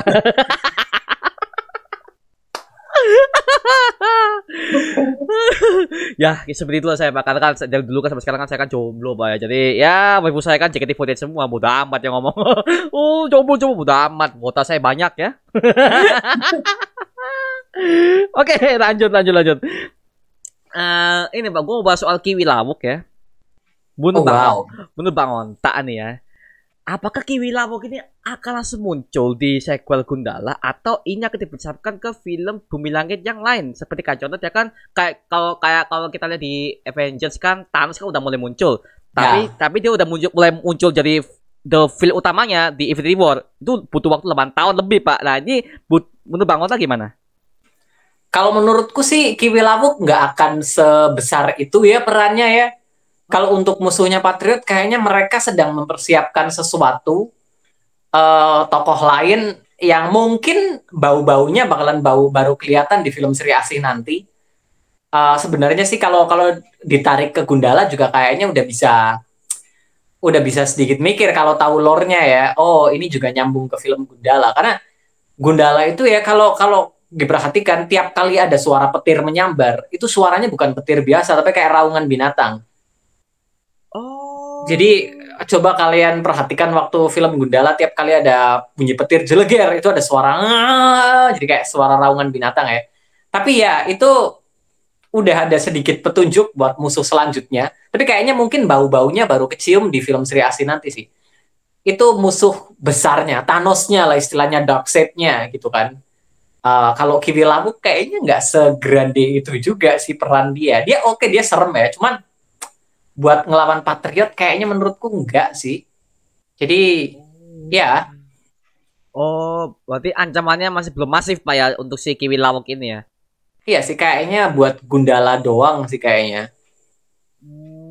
Bahkan kalau menurutku Pengkor lebih masif sih karena di di film dia dikasih Ridwan Bahri pernah bilang kalau Pengkor memiliki anak yatim jumlahnya ribuan tersebar di seluruh pelosok Indonesia. Itu serem banget men. Coba mereka semua ribuan dikumpulin jadi satu. Patriotnya ada berapa orang? Mampus Pak Pak. Ya, jadi kalau kalau kalau Pengkor kayaknya lebih masif ya. Kalau Kiwi Lamuk menurutku sih ya nggak terlalu sih. Mungkin musuh di film Gundala doang nanti Gundala Putra Petir sekalian ngebahas tentang oh, kenapa Kiwi Lamuk bisa tahu Gundala? Kenapa Gazul bisa tahu tentang Gundala? Kenapa ada suara raungan petir di petirnya Gundala? Ada suara raungan binatang di petirnya Gundala. Terus ada hubungan apa dan ini itu ini itu. Dan kenapa Sancaka dikasih nama Sancaka? Itu bakalan nyambung semuanya itu di situ kayaknya sih. Anjir. Makin ke mana-mana nih aduh. Tapi itu memang benar ada di komik ya. Jadi semua itu ada artinya. Kenapa ini orang disebut sebagai Sancaka? Petir di TV segala macam kenapa? Dan itu semuanya akan nyambung Pak. Berarti seperti itu ya? Jadi Sancaka itu kan ular ya, ular sanca ya. Ya ulah Sanca ya. Ya, dan katanya waktu masih kecil itu waktu Sancaka lahir, itu mereka didatengin sama ular sanca di depan pintunya. Dan kalau dari mitos orang Jawa, kalau didatengin ular itu artinya ada janji yang harus ditepati, ada janji yang belum ditepati, kayak gitu. Dan kalau dari yang aku tahu sih petirnya itu bisa menghampiri Sancaka karena petirnya itu sedang menagih janji. Gitu loh. Jadi ya semuanya meskipun sekarang kita mikir semuanya agak terpencar-pencar, tapi itu masing-masing satu garis yang sama. Dengan Kiwi Lawuk, dengan janji masa lalu, dengan nama Sancaka, dengan petir, dengan masa lalu Gazul kenapa bisa tahu, semuanya itu ada satu garis yang sama sih. Waduh, waduh. Wah ini kayak asik nih. Kita akan nunggu sequelnya Pak ya. Oke. amin, amin. Aduh. Iya sih, eh, kalau untuk Wilamu kayak iya sih. Oke, mungkin Iya sih, kalau Bang Onta mungkin lebih mengerti ya. Dia lebih gak, gak, gak semasif Thanos, ya udahlah oke nggak masalah. Tapi kalau dengan kemunculan aja di akhir tuh itu udah ngeri Pak. Kepala dipotong, ya, disambung ke badan tuh itu itu itu disturbing banget sih gua ngeliat. Ya. disturbing. Dan jujur Gila. aku suka banget loh, karena backgroundnya dia itu Jawa kuno gitu kan, kayak sesuatu yang jauh di masa lalu, dia bangkit lagi, dia pakai bahasa bukan bahasa Jawa itu bahasa bahasa Madia, Jawa Madia kalau nggak salah sih waktu itu. Dan iya itu, aku sih jujur agak berharap filmnya lebih dia peran dia lebih besar. Aku berharapnya kan terus bakalan flashback ke masa lalu zaman-zaman kuno. Kayak aku pinginnya kayak gitu sih. Karena ada salah satu eh, reviewer dari Brazil kalau nggak salah dia bilang sangat menyayangkan Gundala ini kurang tradisional, kurang kerasa tradisional, unsur tradisionalnya gitu loh. Karena yang dibahas kan Indonesia di zaman modern ya, dengan Iya. nuansa politik, hoax, virus dan segala macam ya. Tapi nuansa tradisionalnya menurut dia kurang. Jadi ya aku harap itu semoga sih. Karena Kiwi Lawuk men, ya ampun. Sujiwo Tejo juga benar-benar meyakinkan banget dengan bahasanya. Wow, aku merinding. Merinding Pak. Aktornya juga pas loh Pak. Muka-muka villainnya kelihatan. Yes. bagus ya, bagus, bagus. Berarti pengarangnya dapat sih. Gua lihat, oh, oke. Berarti semua pengarang story dapat ya. Tapi lagi-lagi dialognya aja itu loh. Makanya gue minta ya di film superhero kalau di Saturday Night Kotor Kaca sama di berbagai macam film yang lainnya superhero ya, please dialog tuh diperbaiki. Jangan baku itu aja yang gue lihat. Bakunya di sesuai tempat. Kalau ngomong sama orang tua baku, oke, nggak masalah. Kalau sama teman sama masyarakat, kalau mau berantem ngomong baku, Anjir, komik banget gua ngeliat astaga. Itu loh, Pak. Makanya itu yang gua maunya eh Indonesia harus lebih proper lah. Kalau soal film superhero mau adaptasi di komik ke film beda. Makanya eh, Bapak nggak sih yang ngeliat gua liat tuh apa ya seti- setiap penjelasan yang di film Gundala ketika dia, dapat kekuatan petir dari mana itu ceritakan dari mulut pak. Astaga mulut loh jadi gua sulit mendeskripsikan gitu loh. Ini gimana kekuatan bagaimana kok dia bisa dikuping gimana? Lah diceritakan dari mulut loh pak kalau di komik oke. Kalau di komik oke. Komik keren. Tapi kalau film kan beda pak. Itu loh pak yang gue permasalahan sampai sekarang ya. Semua itu pak semua. Makanya gue lihat saat eh, saat ada kota kaca gue melihat dialog yang mereka itu udah ngomong bahasa Jakartaan pak. Lu gue lu gue gitu. Oke. Banyak banget ini sebenarnya dari zaman aku bikin YouTube yang tanya ini dan pertanyaannya terus ya. Nggak nggak berhenti berhenti apa nih pak? Tentang bahan kaca yang mengurung badan dan kepala Kiwi Lawuk. Kenapa kaca itu tidak bisa pecah? Kenapa harus kekuatan Gundala yang menghancurkannya? Padahal Gazul melalui perusahaannya Gafarma saja bisa membentuk kaca itu menjadi botol vaksin. Yang artinya seharusnya Gazul bisa juga menghancurkan kaca yang mengurung Kiwi Lawuk dan segala macamnya. Oke, thanks Bro Fahmi. Jadi gini ya, eh, kan materi itu kan materi kaca yang sama ya.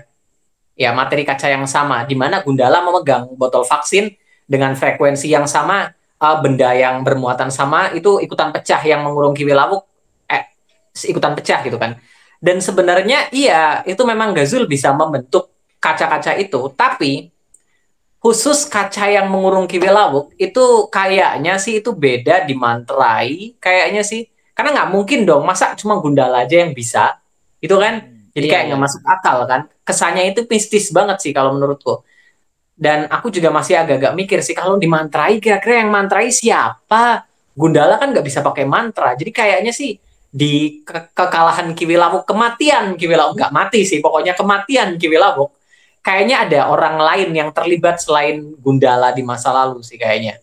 Karena ya nggak mungkin juga kalau dikurung di kaca dia nggak bisa bebas sih. Kayaknya kacanya dipakein sesuatu dimantrai disegel atau apa sih. Jadi Gazul cuma bisa menggunakan materi kaca yang sama yang ada di tempat lain atau di sekitar situ atau apa tapi yang khusus mengurung kiwi lawuk itu kayaknya dibuat ya pakai mantra yang berbeda jadi seperti itu Hmm. Oke, kalau kita bicara soal bisnis, mungkin kalau kalau teori gua sih, Pak, mungkin yang ngurung itu adalah si Kasar Crown sih, Pak, mungkin, Pak. Mungkin nggak sih? Karena Kayaknya. kekuatannya sama seperti Gundala. Kalau kita bicara soal uh, bisnis, Pak, ya, karena kita kita kan belum tahu siapa yang ngasih petir ini ke si caca-caca defense si BCU kan kita nggak tahu, Pak, siapa. Mungkin mungkin Kasar Crown sih, Pak, karena dia mungkin pernah terlibat mungkin ya sama si siapa ini Kiwi Lawuk mungkin, mungkin. Makanya mungkin karena timingnya tepat mungkin mungkin kita nggak tahu apa ya kan namanya dewa kan umurnya oh udah udah ratusan tahun. Dan Kiwi lah mungkin ini kan saya adalah orang zaman dulu pak. Dikurung kan karena kan umurnya kan ditunda karena ya karena kayak kayak lu kayak lihat Steve Rogers lah 60 tahun masih muda kan dikurung di es sama kayak ini. Nah itu pak mungkin seperti itu. Sebentar bahasa Jawa Madia itu dari tahun berapa sih? Waduh gua nggak tahu pak. Waduh gua nggak tahu. Gua gua tidak tahu gua tidak tahu. Bahasa soalnya gini loh. Kalau nggak salah jagoan Nusantara ada nam ada jagoan bumi langit namanya Nusantara ya dan dia udah ada dari zaman Imperium Majapahit tapi kayaknya bahasa Jawa Madia itu lebih tua dari Majapahit nggak sih? Entahlah. Kayaknya bakalan aku cari tahu lagi sih. Tapi kalau benar ada ada kemungkinan Nusantara juga nggak sih? Karena dia juga kayak nggak mungkin sih. Nggak nggak nggak nggak. Sorry sorry sorry. Nggak nggak nggak mungkin, mungkin. Oh, oh, gua gua ngerti maksudnya. Mungkin mungkin Bang Ota mikirnya gini, mungkin Bang Ota mikirnya dia dikurung sama para pahlawan Nusantara sebelum era Patriot gitu maksudnya. Iya, eh, mungkin iya mungkin mungkin seperti itu gitu kan. Karena ada jagoan juga namanya Nusantara dan dia udah hidup di zaman Majapahit gitu kan. Oh. Tapi- Aku nggak yakin. Soalnya di setauku dia nggak punya kemampuan mantra-mantra. Jadi kayaknya nggak nggak masuk ya. nggak masuk mungkin mungkin. Ah, Sampai nih kita nggak tahu ya. Kita tunggu aja dari mungkin cukup Anwar mau spill spill. Tapi dia mungkin masih sibuk pak ya, masih sibuk ini penghabisan dua. Belum ada Yes, ini Agustus. Agustus ya. Ah, harus booking tiket nih. Kalau aku tebak sih kayaknya Bumi Langit bakalan setelah Pengabdi Setan 2 nggak sih? Karena itu kan filmnya Bang Joko Anwar juga ya. Mungkin kalau itu Agustus, Sri Asih September, mungkin Mungkin, nah mungkin, mungkin, mungkin, mungkin, mungkin. Karena gini, takutnya gini pak, takutnya kalau misalkan saudara juga banyak banget project, kemungkinan Cok Anwar hanya sebagai eh apa ya, sebagai advisor doang. Kalau misalkan mau bilang mau dikejar deadline, mungkin mereka menyerahkan ke saudara lain, tapi visinya Cok Anwar yang akan jadi eh advisornya untuk saudara yang baru pak. Mungkin seperti itu. Kalau misalkan Bumi Langit dikejar deadline mungkin pak ya. Karena kan Bumi Langit sampai sekarang sejauh ini sih ini pak. eh, sejauh ini Bang Joko Anwar itu lebih ke Kevin Feige-nya Marvel. Jadi dia yang mengatur jalan semua ceritanya, tapi sutradaranya beda-beda gitu kan. Tapi naskahnya Sri Asih juga ditulis sama Bang Joko Anwar sama sutradara Sri Asih Mbak Upi. Si mereka berdua yang nulis sih. Jadi ya, Oh. tapi untuk film-film yang lain aku nggak tahu sih jujur. Mungkin bener kata kau. Cuman kalau untuk Sri Asih Bang Joko Anwar masih nulis naskahnya setidaknya gitu kan. Jadi ya, Hmm, oke oke oke. Sayang banget Pak ya. Bumi Langit kita selesai itu dari 2019, 2020, 2021 itu selesai itu udah ada film tapi karena Covid nih loh Pak. Aduh iya sih gue yang ngerti. COVID-nya lama lagi ya kan. Lama gila astaga. gue udah mimpi pak gue udah jujur aja ya pak ya gue udah nabung pak untuk nonton film Bumi Langit yang lainnya karena gue jujur aja Bumi Langit setelah Gundala gue makin penasaran sama Aquanus gue mau tahu Indonesia bisa nggak buat bikin animasi air itu loh sulit loh pak air itu pak sulit karena gue udah punya nyoba sulit Ya. Oh, wow, Aquanus emang sih. gue mau Emang sih, lihat aku gue mau aku lihat. Tapi ya, tapi ya. Aquanus itu kayaknya kok bakalan paling suka sih soalnya dari semua jagoan bumi langit itu tuh Aquanus yang tokusatsu sih dari semuanya ya. Aquanus itu yang tokusatsu dari semua jagoan bumi langit. Jadi ya kayaknya kok bakalan paling suka sih karena dia berubahnya pakai belt. Beltnya itu lebih ke artefak zaman kuno sih. Jadi dari peradaban eh, era 15.000 tahun yang lalu gitu kan, artefak kuno. Tapi ya di sini juga di tengahnya ada semacam pusaka yang bisa digonta-ganti pusakanya. Jadi kayak ya nanti armornya juga berubah-ubah gitu kan. Jadi bisa menyesuaikan keadaan ini, keadaan itu. Jadi ya itu formatnya tokusatsu banget sih. Makanya aku penasaran juga, jangan-jangan Ni- Nikola Saputra juga ngebayangin gitu kan Nikola Saputra. oh aktornya udah udah udah ada ya pak ya Nikola Saputra ya oh Ya. Oke, gua itu aja sih. Gua bahas sama Aquanus doang. Karena gua mau tahu Pak, Indonesia bisa nggak bikin animasi air yang semulus Aquaman itu aja. Karena kan karena udah kita kan kita kan udah ada kompetitornya Pak ya. Itu kan itu Aquaman. Gua pengen tahu aja sih lautnya bisa jernih, bisa bagus Indonesia karena gua lihat eh, Gundala petirnya udah mulus. Nah, sekarang di- diuji air gimana? Bisa nggak? Gua mau tahu ti- tim animasinya bisa nggak itu itu aja sih Pak. CGI petir, seap petir, api sama pasir. Paling sulit ini. Sulit sulit banget. Lu nggak bisa ngejar sendiri nih nggak bisa nih. Kalau lu mau buat yang real pak ya maka itu aduh itu pak. Gua mau tahu aja sih. Tapi untungnya sih Aquanus nggak dalam waktu dekat ya mereka lagi. Jadi setidaknya kita harapkan sih semoga semakin ke depan semakin ke depan budgetnya nambah gitu kan. Semakin ada film lagi budgetnya semakin nambah dan kualitasnya juga semakin bagus gitu kan kalau nambah budget ya kan. Ah, Jadi amin hai. semoga aja. Karena asik juga kalau kita lihat ya kalau ada tentang Aquanus lautan Indonesia indah banget loh kan ya Iya. kan. ya Jadi ya itu menarik sih kayaknya sih. ya ya itu, itu gua sangat tunggu banget oh gua baru tahu nih pak kalau Aquanus itu adalah setengah, setengah tokusatsu gua baru tahu sumpah gua baru tahu dia berubahnya pakai sabuk kan. Kekuatannya juga pakai sabuk. Dia laser pelangi dari dari sabuknya. Jadi ya. Waduh. Waduh ini harus gua tunggu sih. Kita tunggu aja Pak Bumi Langit karena sampai sekarang tidak ada update sama sekali untuk filmnya. Kesel gua ngeliatnya. Kapan nih? Sequel sequel sequel. Film apa Oh, kek itu kayak semalam ya baru semalam tuh Hah? Mbak Upi upload story kan. Langsung sosial media aku DM ku heboh banget. Bang bang bang bang bang bang bang bang bang gitu kan? Kenapa kenapa kenapa? jadi Mbak Upi sebenarnya cuman upload story tulisan doang. Sabar nggak lama lagi kok. Udah gitu doang sih. Tapi dengan begitu aja itu wow itu orang-orang udah pada bahagia kayaknya ya. DM ku bener-bener nggak berhenti loh. Bang bang coba lihat ini bang coba lihat ini bang. Sebentar lagi bang sebentar lagi. Oke oke. Jadi kayaknya Mau yang- mungkin ya. iya iya. Amin. Masih pada masih pada nunggu sih kayaknya sih. Iya. Itu harapanku sih agak mirip sama KKN semoga aku harap gitu kan karena KKN waktu awal mau tayang mereka pada bilang ah basi filmnya udah terlalu lama udah hype-nya udah waktu viral di Twitter udah udah basi gitu kan tapi ternyata yang nunggu masih banyak dong Masih ya kan banyak, masih banyak. amin semoga Sri Asih kayak gitu juga ya itu aja. Oke, berarti orang ini udah udah ngerti Sri Asih mungkin Pak ya. Mungkin mereka udah baca komik Bumi Langitnya. Emang udah ada komik Bumi Langitnya Sri Asih? Oh, di sini ya. Iya eh, ad- ya seperti yang aku bilang tadi Asih yang mana dulu ya Oh, belum ada ya komiknya. Oh. Jadi eh, untuk ada beberapa Sri Asih kan, untuk Rengganis itu ada komiknya dan dia itu diceritakan lebih ke dia penggiat lingkungan yang benar-benar nyari sumber masalah eh, kota yang tercemar polusi dengan dia lari ke Kalimantan dan segala macam Sumatera untuk eh, mengatasi masalah-masalah itu gitu kan. Sementara untuk Nani Wijaya dia itu lebih ke pengusaha, lebih ke orang tajir, bisnismen dan segala macam kayaknya sih ya kan. Nani Wijaya kayak Pak. sih, ya. Kayak Nani Wijaya ini kayaknya. Karena backgroundnya udah ada limosin itu. Iya. Terus kalau versi yang Alana, dia itu Alana itu lebih ke pelajar. Dia masih masih baru, masih baru meletek banget ya, masih baru mengendalikan kekuatan Sri Asih itu seperti apa sih? Dia ada cowok yang disukai. Ini komiknya ada di webtoon bisa dibaca gratis. Eh, iya, jadi komiknya ada beberapa dan banyak yang suka juga. Fansnya beda-beda. Karena kan ceritanya juga beda-beda ya. Ada yang lebih ke ini, ada yang lebih ke ini. Kalau versinya Alana lebih ke versi yang romantis remaja gimana gitu karena tokonya masih remaja. Jadi fansnya beda-beda sih. Semoga Oh. aja versi film bisa memuaskan semua pecinta Sri Asih di berbagai kalangan gitu kan ya. Jadi agak-agak ngeri juga sih aku sih. Karena kita udah nunggu berapa tahun Pak ya dari Gundala, Sri Asih udah di tis. Tiga tahun lebih Pak. Untungnya sih Gatot Kaca duluan ya kan. Karena Iya. Gatot Kaca kalau kita inget ya trailernya itu keluar sebelum film Gundala loh. Iya. Iya kan? Iya. Loh.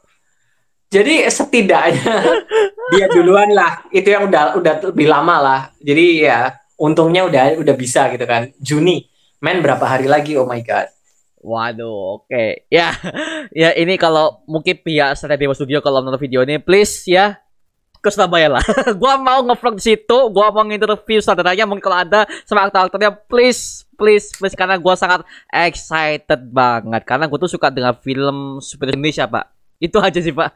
Gua pengen tahu itu gimana hasilnya. Bagus langsung oke. gua mau Harusnya sih ada ya kan. Soalnya kan eh, Surabaya kota besar juga kan. Eh, Dan biasanya juga mereka mengadakan roadshow ke beberapa kota gitu kan buat ada sekalian ngundang beberapa artisnya juga. Kalau Gundala sih kayak gitu ya. Gundala sama Wiro Sableng kayak gitu ya. Iya kan? Eh, Semoga aja Gatot Kaca juga kayak gitu ya. Tapi harapanku di kota Pekalongan sepi men. Aduh. aku tahu tahu keadaan, aku tahu kok. Jadi ya oke lah. Gua mau pak, aduh saya dewa kota kaca please jangan mengecewakan itu aja itu aja pak, udah itu aja sih. Oke, lanjut pak. Kalau untuk soal Gundala untuk si siapa namanya Bahri yang kayak Jim Gordon siapa namanya pak? Siapa gua kan, kan gua lupa kan siapa namanya. Ridwan Bahri. Ridwan Bahri ini menurut Bang Ota gimana? Penongkoannya sama impactnya ke Gundala. Ridwan Bahri itu menurutku karakter yang menarik ya. Dia bukan putih menurutku sih. Dia nggak bisa dibilang karakter putih sih. Eh, kau tahu masa lalunya Pengkor yang diceritain sama Ridwan Bahri? Iya. Ah. Itu ternyata kisah bohong. Itu bukan bukan masa lalu Pengkor yang asli katanya. Eh, itu cuma cerita yang disebarkan sama orang dari mulut ke mulut aja. Jadi Oh. Iya, Ridwan Bahri waktu itu bukan cerita hal yang asli. Jadi aku masih belum bisa percaya 100% ke dia. Tapi setidaknya di akhir dia benar-benar mendukung ya. Mungkin masa lalunya ada sesuatu yang bukan orang baik atau apa aku nggak ngerti deh. Tapi setidaknya sih di akhir film dia udah ya, tapi aku masih belum yakin 100% juga buat karakter dia gitu kan. Uh, bisa dibilang Jim Garden, bisa dibilang Nick Fury, siapa tahu dia yang akan membentuk ngumpulin semuanya, siapa yang tahu gitu kan. Ah. Tapi iya aku masih masih abu-abu sih buat buat karakter satu ini, masih belum bisa yakin. Masih abu-abu. Ya mungkin karena masih film pertama mungkin Pak dan juga kemunculan juga sangat sedikit banget untuk Ridwan Bahri kan juga. Aduh oke oke oke. Kalau gue sih Pak untuk Ridwan Bahri kayaknya dia bakal ngarah ke Jim Gordon sih Pak ini udah kelihatan banget sih Pak. Ini udah kelihatan- karena rambutnya putih kumis putih ini Jim Gordon sih gua ngeliat sih. Kacamata fix Jim Gordon nih walaupun bukan komisaris polisi ya kan uh, anggota DPR tapi kan sama-sama di bagian pemerintahan nasib wah nih Jim Gordon nih. Itu yang gue lihat sih karena job dia juga sama tampil juga sama dan pakai jaket juga sama fix Jim Gordon yang gua ngeliat. Dan menariknya ya, Bang Joko Anwar itu pernah bilang katanya Ridwan Bahri ini bakalan muncul di semua film Bumi Langit yang ada di era modern sekarang. Jadi Virgo and the Sparkling, Sri Asih, series Tira, film Godam dan Tira, itu dia bakalan selalu muncul di tiap filmnya. Entah seba- sebagai apa, aku nggak bisa jawab karena aku nggak tahu. Jadi kita tunggu di film Virgo aja. Karena aku sedikit mendapatkan bocoran waktu zaman dulu ya, aku ngelihat ada Abimana sama Lukman Sardi ikut main ke syutingnya Virgo waktu itu sempet. oh jadi Atau mungkin Abimana cuma nengokin anaknya doang, bisa aja. Anak-anaknya kan ikut main di situ kan, bisa aja. Jadi Oh. tapi kenapa ngajak Lukman Sardi ya kan? Kenapa barengan ya Gak kan? mungkin, gak mungkin, gak mungkin. Wah, mungkin mungkin cameo sih, Pak. Mungkin Gundalanya sebagai cameo doang sih buat pemenjelas oh kita satu universe loh. Mungkin seperti itu sih. Mungkin banyak orang yang ngomong si Asi sama Gundala itu apa beda universe. Banyak juga yang ngomong gitu, Pak, di grup itu. Ya, Banyak kok yang ngomong gitu. jadi harus ada penjelasnya ya. Iya. Harus ada. Aku iya, aku harap kayak gitu sih. Aku harap kayak gitu sih. Semoga di Virgo, terutama Virgo loh. Virgo masih banyak yang nggak tahu kalau itu satu universe katanya itu beda sendiri katanya itu ya itu semoga aja nanti jelas lah di filmnya ya eh, eh gini ya buat kalian nonton video ini Pak ya. Udah jelas itu adalah logo Bumi Langit ya. Pasti ya pasti sih universe lah. Bumi Langit ya itu belum bikin multiverse. Jadi santai aja kalau ada logo Bumi Langit fix itu ada satu universe dengan Gundala, Sri Asih dan segala macam. Ya itu aja sih. Karena kan mungkin mungkin gini lah, mungkin para market sekarang tuh mereka melihatnya karena mungkin karena udah lihat Multiverse of Madness ya sama Spider-Man No Way Home ya. Jadi mereka udah mikir beda dikit, beda universe. Salah. belum ya, Karena belum. dari tone-nya katanya kan eh, kalau Virgo and the Sparkling bakalan lebih cerah, lebih berwarna dan segala macam dibanding Gundala gitu kan. Tapi kalau kita lihat lagi kan film Batman dan Shazam juga Beda. Beda feel, Kan bukan beda feel. satu universe kan. Ya. Karena juga kotanya juga kan beda kan. Kalau di Virgo katanya di kota Bandung yang lebih eh, di versi remaja di kota yang tempat-tempatnya anak-anak mungkin kamarnya juga bakalan lebih berwarna dan segala macam daripada kontrakannya Sancaka gitu kan di ruang susun. Jadi nggak iya kalau kalau film Gundala kan kesannya lebih suram karena itu di eh, kota pinggiran gitu di daerah pinggiran di kota Jakarta gitu kan. Kalau di ya kalau Virgo mungkin bakalan lebih cerah karena remaja tapi bukan berarti itu beda universe dong ya. Ya, bukan. Ya, ya sama sama kayak sama gini, Pak, sama kayak kita ngelihat eh DC kan bisa lihat Batman sama ini ya Shazam. Beda. Tapi satu universe. Aduh, ini orang udah kemakan hype Pak sama MCU sekarang. Aduh, ada ada pertanyaan lagi Pak tadi mungkin fans-fansnya Bang Onta, mungkin ada yang mau pertanyaan lagi mungkin? subscriber fans aku nggak ada fans Ini Waduh. semua fansnya superhero Indonesia Silakan mungkin ada pertanyaan lagi. Iya sebentar. Titip unek-unek Gundala 2 semoga adegan actionnya lebih memuaskan. Dan sosok villain harus lebih lebih apa ini kepotong ini dia ngomongnya.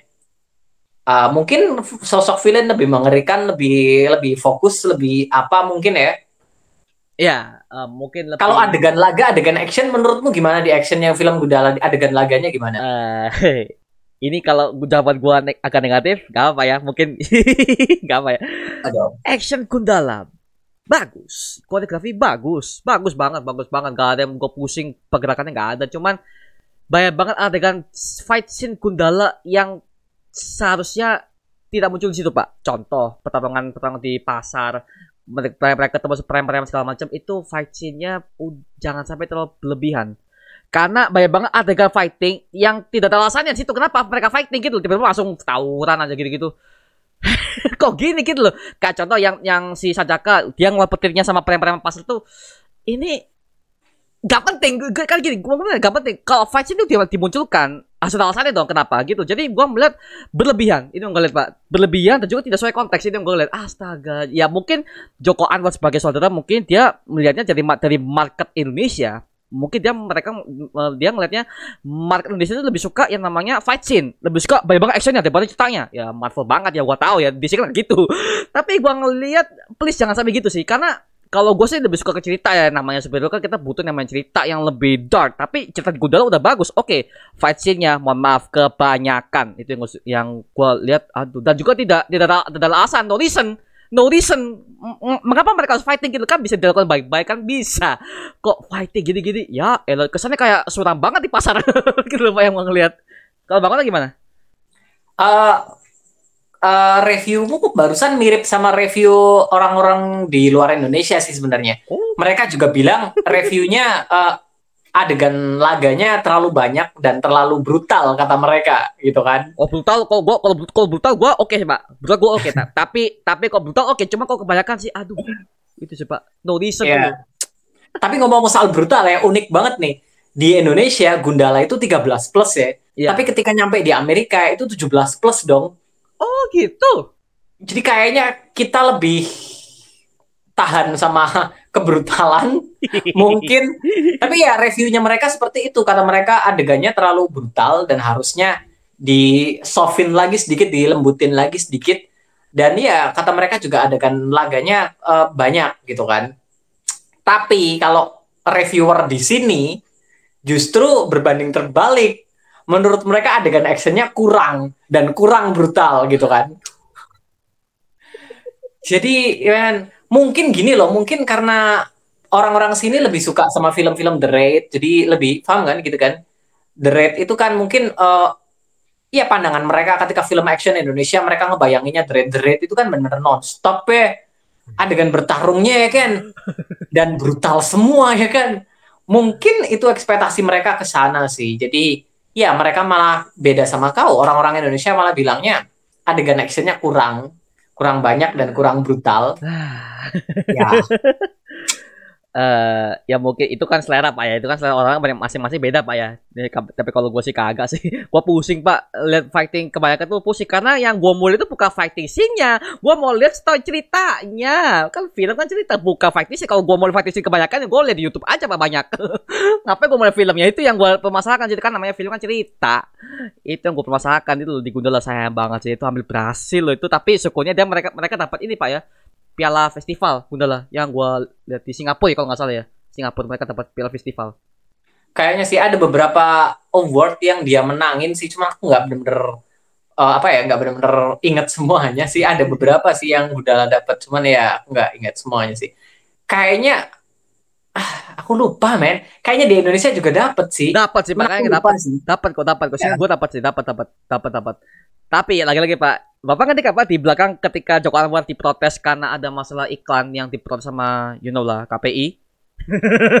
oh iya. itu itu aduh kan cuma iklan. Ya udahlah, memang filmnya gitu ya. Ya udah lu tahu sensi amat lu. Gimana ya, Bang adegan, adegannya di dipotong waktu itu ya. Dipotong sama bahasa kasar, Pak. Mereka ngomong apa ya? Ah. Eh tapi waktu Gundala tayang di TV ya, itu cutnya luar biasa loh Aduh. Waktu tayang di TV, cutnya luar biasa banget, men. Oh, bangun tak nonton di TV? Bahkan bunyi petirnya itu pun kayaknya nggak ada deh. Ah. gue gak nonton pak, sumpah. Gue gak bisa jelasin kalau di TV ya. TV ya sekarang ya. TV ya, ya. aku nonton, aku nonton gitu kan, karena aku penasaran. Aku yakin pasti bakalan ada yang di-cut. Gak mungkin gitu kan. Pasti ada. Cuman aku uh, ya penasaran seberapa banyak dan aku wow lumayan deh ada dialog yang iya disamarkan suaranya. Terus suara petir juga gitu kan. Mungkin menyeramkan. Aduh gini ya gini ya mungkin KPI nonton ini please ya. Itu kan mungkin ya nggak semua orang nonton ke bioskop oke kita bisa maklumi itu. Tapi kan itu kan full versi juga harus ditunjukkan. Gitu loh makanya gue lebih suka dengan era-era Indonesia zaman dulu. Zaman kita dulu tahun 2000-an awal itu itu kita tonton TV itu ada sebuah magical box yang enak pak. Ya contoh extravaganza dengan lawakan dewasanya nggak ada dikat baju-bajuri ya benar-benar. Legend banget tuh. Makanya gue lebih suka yang, yang zaman dulu SpongeBob dulu Nah, kata-kata anak-anak, anak-anak ya ngomong anak-anak atau main Jerry, bebas-bebas aja kita nggak ada nggak ada niru-nirukan. Ya lu aja sensi, kesel gue ngeliatnya KPI. Makanya gue ngakak sih ketika mereka ngeliat Gundala itu, oh gitu-gitu gitu. Anjir, sensi banget lu. Eh, oh man, adegan pertarungannya banyak yang dikat sih. uh, aku sebenarnya udah nggak udah agak agak gak lupa juga karena aku nontonnya udah waktu pertama kali tayang di TV kayaknya tahun berapa sih aku lupa lagi. Tapi ya mungkin kepalanya Kiwi Lawu kali ya. ya nggak sih? Masuk akal nggak sih? Oh, yang gondol kepala tuh Pak ya? Masuk akal nggak sih? Kayaknya iya ya. Tikat Pak ini. Kayaknya ya. Soalnya aku aku aku agak-agak lupa sih, aku agak-agak lupa. Tapi kayaknya sih mungkin di zoom atau apa biar nggak kelihatan kepala. Kayaknya sih banyak kok, banyak kok, banyak banget yang dikat. Waktu itu ada banyak banget yang selain komentar bagus dari orang-orang yang belum pernah nonton Gundala, mereka baru pertama kali nonton waktu di TV ya. Bagus banget ternyata gitu kan. Orang yang udah nonton di bioskop justru komentarnya beda. Gila ini cutnya kok parah banget nggak gini gini gini gini gini. Jadi komentarnya mix dari dua belah pihak gitu kan. Oh. Tapi untungnya meskipun di cut sampai segitu banyaknya, orang yang belum pernah nonton Gundala tetap menikmati, mereka tetap suka. Oh. Jadi syukurnya gitu kan ya. Ah. Tapi ya yang paling aku suka dari sini itu benar-benar momentumnya itu bisa pas banget. Semuanya ini benar-benar bisa pas. Bisa benar-benar membangkitkan ketertarikan sama superhero Indonesia. Iya. Padahal sebelumnya kan kita lihat udah ada Garuda superhero gitu kan. udah ada Satria Garuda Bima gitu kan. X Bima X the movie gitu kan. Pak, Pak, sorry Pak, gua kat Pak. Gak superhero. Lu mau bahas? Gua enggak. Oke. Gua enggak. Ya. Kecewa Pak, gua nonton 2015 Pak ya. Nonton pertama kali di bioskop. Kecewa. Aku aku belum pernah nonton sih. Mungkin suatu saat aku bakalan nonton aku review. Mungkin. Tapi aku belum pernah. Tapi setidaknya kan itu kan jadi bagian dari sejarah ya kan. Iya, iya. ada iya. Garuda Nah. superhero. Hmm. Habis itu ada Satria Garuda Bima X the movie kan. Lalu ada Valentine, lalu ada Wiro Sableng. Tapi somehow semuanya masih belum bisa membangkitkan itu semua gitu kan. Iya. Dan semua fans superhero Indonesia baru benar-benar kumpul ketika Gundala justru. Semuanya langsung gerak tuh, semuanya semua perhatian langsung tertuju ke situ. Jadi apa sih entah apa yang dimiliki sama film ini, tapi aku harap yang dimiliki sama film ini juga berlaku dengan Gatot Kaca, dengan Sri Asih, dengan yang lain-lainnya. Aku harapkan seperti itu. Mungkin dengan sequel film Wiro Sableng juga. Karena sesuatu yang dimiliki Gundala ini somehow bisa mengumpulkan hasrat ini semuanya bisa bangkit gitu loh. Di tengah kepungan film Marvel dan DC. Wow. Iya gak sih? Iya. Aku, aku kagum loh sama efeknya. Efeknya benar-benar luar biasa banget sih. Gundala kan adalah film pertama dari Bumi Langit dan Bumi Langit sebelum mereka merilis film Gundala kan mereka udah ngepromosiin berbagai macam hero-heronya Pak. Aku Oh iya, Jadi mereka tuh tertariknya karena mereka udah membangun universe-nya Bumi ada Langit. universe-nya gitu Ada ya. universe-nya. Sementara sementara untuk Wiro Sableng, Valentine itu universe-nya masih belum jelas. Jadi mu- mungkin ya mungkin kita udah ya kita udah ngikuti MCU mereka udah ngebangun universe ya. Sama juga kayak DC. Jadi mereka lebih tarik dengan yang namanya membuat superhero tapi juga dibangun juga berbagai macam hero-hero yang lainnya. Ya, ini ini persis ini persis dengan langkah yang apa yang udah Kevin Feige lakukan kan sebelum filmnya tayang, hero-nya apa aja, mereka udah nulis tuh judulnya apa aja tuh yang tahun berapa tahun berapa yang tayang yang gini-gini. Jadi sama kan kayak Bumi berapa? Sama kayak Bumi Langit Pak ya. Mereka udah ngerilis dan aktornya juga di, di review siapa siapa yang akan jadi ini.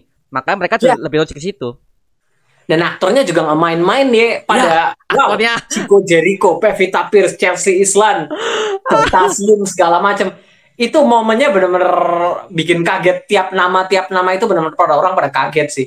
Tapi nama yang paling banyak orang rame waktu itu itu sih eh, siapa namanya Zara. Waktu itu Zara sama Joe Taslim. Mereka berdua aku perhatiin yang paling rame seruan dari penontonnya sih waktu itu.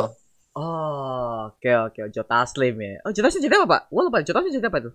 dia jadi mandala pendekar selain si buta dari gua hantu. Jadi kalau kita bicara tentang bumi langit ya bumi langit ini terbagi ke beberapa era ya. Iya, Dan era salah apa ya? satunya adalah era pendekar, era Jawara. Di era pendekar itu ada dua tokoh utama pendekar silatnya, yaitu si buta dari gua hantu dan kedua Mandala. Mandala diperankan sama Joe Taslim. Untuk si buta dari gua hantu, filmnya sih filmnya sih bakalan disutradarai sama Timo Cahyanto ya. Dan Oh, Timo Cahyanto Timo udah ya. ngasih ya Bang Timo. Dan Timo udah ngasih banyak sekali petunjuk kalau pemeran si buta adalah Iko Uwais. Tapi semuanya masih petunjuk, belum diumumkan secara resmi, jadi kita masih hanya bisa berharap-harap aja, semoga aja beneran gitu kan. Karena bayangin dua jagoan silat utamanya itu Joe Taslim sama Iko Uwais. Wah, Bam! man, Wow. Man. Amin. ah, oke oke, planningnya udah udah udah kelihatan ya makanya ya itu gue suka setting marketingnya Bumi Langit pinter di situ. Menarik perhatian ya, pertama somehow. kali loh. Ya, kalau kau bilang kayak gitu bener juga ya, karena mereka sudah mengumumkan semuanya. Mungkin itu yang harus dilakukan sama yang lainnya juga kali ya. Iya, iya. Makanya kan Karena ya. udah beberapa kali dilakukan dan baru berhasil saat Bumi Langit melakukan somehow. Ini kenyataan, bukan bukan aku yang berpendapat. Karena kalau aku berpendapat, aku pengen semuanya sukses gitu kan. Aku pengen semuanya Ya. jalan.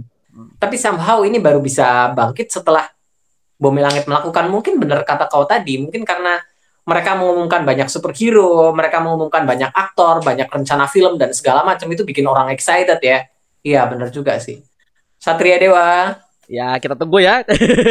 Makanya Satria Dewa kan juga melakukan hal yang sama Pak. Mereka juga ngerilis apa Arjuna lah. Mereka sampai bikin ada ketika tiga hero udah disatuin. Mereka buat tim sendiri segini kan ada kan di jadwalnya gue lihat tuh di, di Instagram itu ada tuh. Waduh ini ini saganya udah mau kelihatan ya. Tapi ya kita tunggu aja lah mengenai se- setelah Gatot Kaca kan ada lagi Pak. Arjuna belum dibuat film solonya.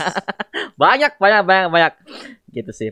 Tapi ya la- lagi-lagi sekarang sih kita nunggu ini Pak ya, Sate Dewa sama si Asi juga belum jelas kapalnya. Mungkin mereka masih ngejain CGI-nya mungkin. Karena kan yang paling berat CGI, Pak. Jadi gua ngerti banget sih mereka ngedelay filmnya tuh ya pasti karena CGI atau enggak karena reshoot. Mungkin ada adegan yang belum belum matang mungkin jadi ya terpaksa reshoot. Ya kayak Black Ya. Adam Kak. Black Adam kan di reshoot Pak Black Adam. Oh iya, oh iya, iya aku dengar ya. Black Adam reshoot Dwayne Johnson aduh. Gatot Kaca sama Sri Asih somehow kayaknya sama-sama punya adegan terbang ya. Ya, terbang. Iya, heeh. Sri Asih kalau nggak ada adegan terbang kayak kurang mantep gimana gitu kan. Kan dia Meskipun kan Sri Asih terbangnya sekedar melayang gitu, dia pakai selendang gitu kan. Ya, Jadi heeh. kalau kalau Gatot Kaca kan lebih ke melesat bus bus bus bus kayak kayak iya beda sih, cuman iya sama-sama beratnya sih. Berat berat berat. Makanya itu ya makanya ini ya tolong ya kalian ya kalau ngomong bang bang kapan film tayang sabar CGI itu berat apalagi Indonesia. Timnya nggak sebanyak seperti di luar ya please. Itu loh pak. Sabar itu aja loh. Makanya bang Onta setiap kali di story kan sabar sabar sabar. Ya gua akui sabar iya Lagian kenapa tanyanya ke aku gitu kan? bang Onta ini ngasih hanya konten kreator kita kan hanya Ya. sebagai konten kreator ya Bahkan tanya ke Bumi Langitnya pun mereka nggak bakalan bisa jawab karena kan itu pemegang filmnya dong ya kan? ya Iya kan? Jadi Hmm. harus tanyanya ke pihak filmnya screenplay misalnya ya kan. Hal yang terakhir yang aku pengen itu mereka gontok-gontokan sih. Kalau misalnya Sri Asih tiba-tiba rilis gak barengan sama Gatot Kaca, no, aku nggak pengen itu sih. jangan jangan jangan pengen, jangan jangan jangan please, please jangan jangan gue ya ketabrakan tuh jangan jangan ya, aku pengen sih semua perhatian tertuju ke Gatot Kaca dulu. ya Setelah itu selesai, habis itu fokus ke Sri Asih semua. Aku pengennya kayak gitu. Aku pengen masing-masing dari mereka. Soalnya ini kan baru sedikit filmnya ya. Kalau udah kayak DC Marvel sekarang ya, rilis barengan masa bodoh lah terserah. Yang penting kan mereka udah udah besar gitu kan. namanya udah besar jadi mereka Namanya udah rilis besar, Heeh. saingan itu nggak masalah. Tapi ini ya untuk film-film baru pertama ya, Iya, Jangan dulu. jangan jangan karena masih growing, karena masih growing. Itu sih Hmm. pak. Mm-mm. Sabar sabar aja itu aja sih ya kalau gue kasih. gue yakin ya tim animasi juga skripnya dan di, di- tim yang dibalik filmnya juga masih mengerjakan. Itu aja. Dan, karena mereka mau melakukan terbaik buat kita sebagai kita kan, kan, kan, kan, kan kita kan bayar konsumen. Jadi mereka juga nggak mau mengecewakan kita lah itu aja sih. Jadi sabar aja itu udah itu aja sih. Apalagi film superhero. ya udah film Indonesia berani melangkah ke sini aja sebenarnya udah Udah bagus loh pak. aku udah bersyukur banget men gila padahal kalau dilihat dari sejarah ke belakang ya kan syukurlah gitu kan akhirnya gitu kan Iya. ya sabar sedikit nggak masalah lah aku aku yakin juga setelah Gatot Kaca bakalan lanjut ke Virgo and the Sparkling sih Iya.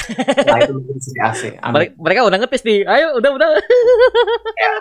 dikit lagi ya kan Dikit lagi. Udah sabar aja udah ininya. Oke. Eh tapi ini Pak, gue juga harus appreciate ke- dari Alfred Gudala itu adalah itu udah merubah market, Pak. In, kan eh, Bang Ota tau lah Indonesia tuh film-filmnya apa aja sih? Horor kalau nggak cinta itu aja sih.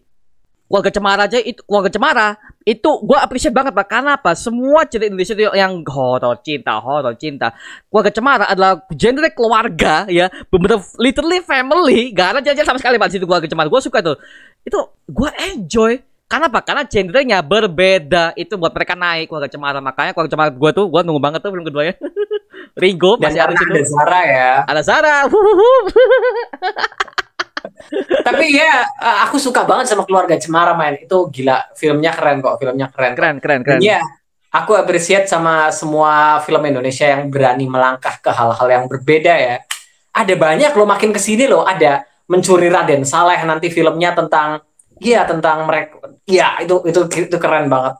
Ada banyak juga makin ke sini makin banyak sih genre-genrenya makin kaya sih.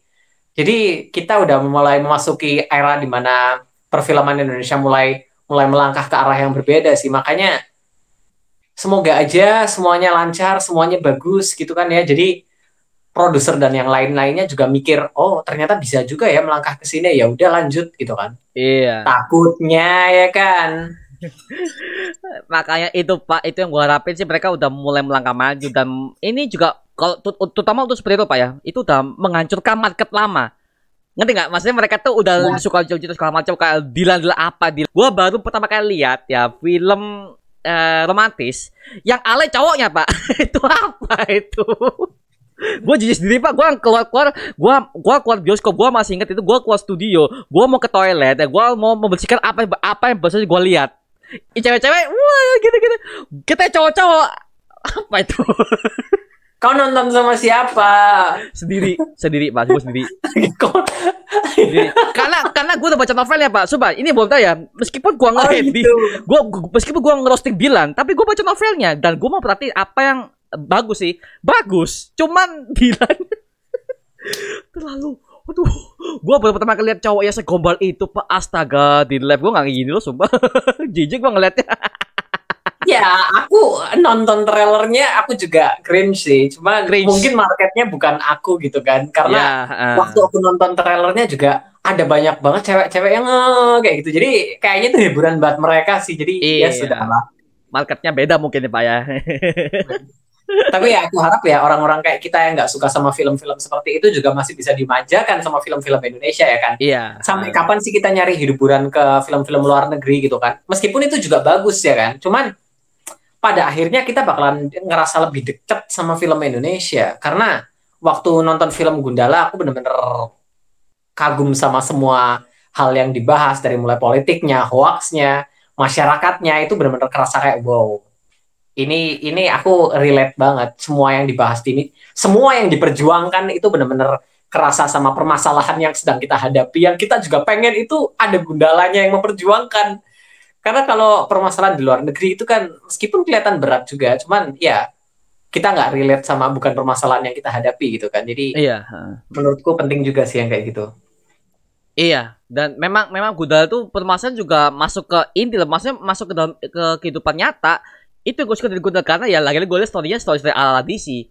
Karena gini buat yang buat buat yang gak ngikutin DC sama sekali ya, DC kan story-nya kan dari awal kan mereka kan relate ke dunia nyata. Contoh kayak kalau kalau kalian The Dark Knight, The Batman yang kemarin, itu kan story-nya kan udah bener-bener sangat realistis makanya Joko Anwar karena dia tuh suka sama Batman, dia mengimplementasikan formula Batman ke Gundala dan itu berhasil berhasil itu loh makanya kalau kalian mengira bahwa ini film Gundala terlalu serius ya memang marketnya untuk orang remaja ke dewasa. Memang setiap hero itu ada marketnya sendiri. Itu aja sih contoh Shazam. Shazam orang dewasa lihat tuh apa sih? Karena bukan marketnya ke situ. Sama contoh kayak kita lihat Dilan kita cowok-cowok ngeliatnya astaga apaan sih ini? Ya karena memang mungkin marketnya bukan ke situ. Ya seperti itu aja sih. Ya itu Ah, sekedar intermezzo sedikit ya Pak Hanung Bramantio yang bikin Satria Dewa Gatot Kaca. Dia bilang kalau dia fans DC juga loh mantap dia dia fans DC juga tapi dia lebih ke arah Superman katanya dia oh, Ya. oke. Jadi kita bisa memperhatikan sedikit tone yang lebih colorful lah dibandingkan fansnya Batman gitu kan. Ya, Superman juga gak terlalu dark sih biasa ya Superman sih. Ya, ya begitu lah. Dilihat aja nih gimana hasilnya. Gue tungguin Gotham sih Pak, Gotham dan Tira. Gotham dan Tira, kapan nih Gotham Tira? Tira lagi sebelum film Godam dan Tira katanya kan mau dirilis seriesnya dulu kan, seriesnya Tira kan di Disney Plus gitu Nah. kan. Dan sekarang masih proses reading mereka Oh, masih masih Ya. reading ya. Oh, oke oke. ya dan kalau dari yang aku lihat ya ada sedikit uh, video waktu mereka reading ya. Pemerannya itu ada Chelsea Islan, terus ada Marcel Siahaan yang main di film film Wiro Sableng juga gitu kan, jadi bapaknya Wiro waktu itu. Iya ya. Terus ada Asri Welas. Terus ada Matias Mucus sama satu lagi siapa lupa Oh iya, lagi. iya gue gue gue liat Bang Ota bikin videonya gue liat ada Asri Wulas, Ya. gue kaget Pak Asri Wulas main, wih, wih ternyata bener. Matias Mucus ya. Asri Welas, Asri Welas bagus banget. Aku suka banget sama Asri Welas ya kan. Loh. Meskipun adegannya dia lebih ke komedi waktu di keluarga Cemara dia Ya, asik komedi, banget. komedi Iya, ya, komedi ya. Asri Wulas. Tapi aktingnya dia bagus banget kan. Somehow Oh. aku semoga aja bisa kawin sama dunianya Tira ya. Eh. Kayaknya sih jadi ibunya ya. Kayaknya kalau menurutku jadi ibunya Kayak sih. ibunya sih Pak, ibunya sih Pak, ngomong sih ibunya sih. Matias Mucus kayaknya juga dia jadi bapaknya, suaminya mungkin mungkin ya perannya. Bapaknya kayaknya ya. Ah, ah, sih. Kayaknya bapaknya sih kalau menurut Karena gini Pak, kalau gua ya untuk Matias Mucus, gua udah lihat itu berbagai macam film bagus semua Pak Matias Mucus Pak aktingnya. Hmm. Ini yang selalu dikatakan tentang Bumi Langit, mereka benar-benar ngambil semua aktornya itu benar-benar pemilihannya bagus-bagus semua loh, benar-benar aktor yang udah profesional, Profesional, ya. eh, namanya udah besar semua. Plus mereka juga memasukkan beberapa aktor baru di sana, seperti Sancaka kecil ya kan. Ya, saya, saya kecil ini bukannya aktor lama pak ya? Gue lihat dia bermain film juga di berbagai macam film pak. Iya, dia dia dia udah udah main film sih, cuman ma- namanya belum sebesar Abimana atau Oh, iya, Sardi iya. gitu kan. Ah, Terus juga eh, Awang, Awang kecil gitu kan. itu Iya, juga iya. meskipun dia dia udah main Satria Garuda Bima, dia udah main Wiro Sableng, cuman kan ya setidaknya dia banyak mencuri perhatian di film Gundala kemarin gitu kan. Ada banyak lain sih, seperti anak-anak bapak juga banyak dari mereka yang aktor-aktor baru. Virgo and the Sparkling juga ada beberapa aktor baru juga. Jadi kayaknya mereka mix and match sih. Cuman Iya, iya, ya iya. aktor-aktor senior yang ditampilin benar-benar luar biasa ya, benar-benar selalu aja bikin kaget gitu. Oh, dia masuk, oh dia masuk. Gitu kan? Tapi ada banyak yang belum loh. Kayak misalnya Vino. Oh, Vino, aduh Vino tuh udah stay di Wiro Sableng aja deh. Gue udah suka tuh. Tapi Abimana kan ada di Wiro Sableng juga. Abimana, Abimana. Ada ya di Wiro Sableng? Kau nonton Wiro Sableng sampai habis gak sih? Habis sampai nonton habis sampai habis lah. Sampai ending ya. Endingnya gimana? Ah, endingnya ada ada kesatria bin ya itu itu sebenarnya gue udah lihat dia, dia udah pernah muncul di series Wiro Sableng sih udah pernah sih di komiknya juga ada pakai jaket bintang ya ada ada itu itu, Itu Abimana, men? oh it, it what oh itu Abimana Itu Abimana, men? itu villain sih gua tahu itu villain cuman ah Si, itu adalah Pangeran Matahari, Pangeran super Matahari. villain. Iya makin matahari Pangeran Matahari adalah super villain paling favoritku dari seluruh jagat superhero Indonesia, men. Kalian sebut super villain siapa lah? Aku nggak peduli, favoritku tetap Pangeran Matahari. Dia itu iblis, bener-bener iblis banget. Wow, waktu waktu baca novelnya itu aku selalu gemeter tiap kali ada dia. Tapi ah, aku suka banget. Ya, harapanku sih semoga aja, please dilanjut.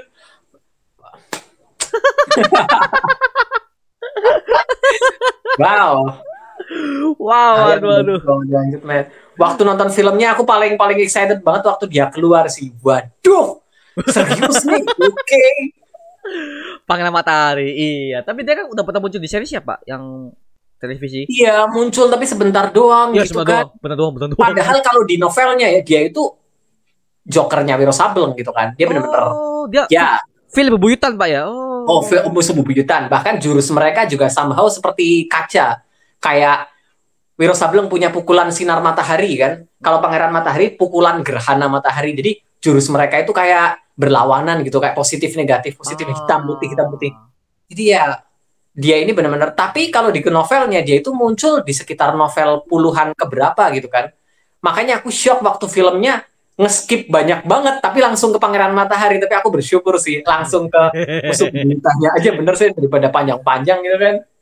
Kan ini bukan sinetron, ini film kan. Ya, film. Jadi ya mungkin konsepnya mereka mereka pasti yang mini-mini trilogi, Pak. Nggak mungkin saga langsung 4 5 6. Gua yang nggak tahu ya. Kita lihat aja sini gimana hasilnya Viro Sableng. Ya makanya please lah dilanjutin lah please lah. Oke, sebagai penutup, Pak, sebagai penutup podcast ini gua mau tanya untuk pertanyaan terakhir nih buat Bang Onta dan Jakon Kancil. Eh harapan Bang Onta gimana untuk sequel Gundala nanti dan impactnya mau ke mana? Itu eh, mungkin Bang Onta bisa berteori apa kek mengenai sequel nanti atau gimana harapannya juga gimana? Silakan Bang Onta. Eh, kalau dari sisi cerita, aku berharapnya sih ya Kaisar Kronos muncul gitu kan. Originnya Gundala dari mana dia asal kuasal asal muasal mendapatkan kekuatan itu kelihatan.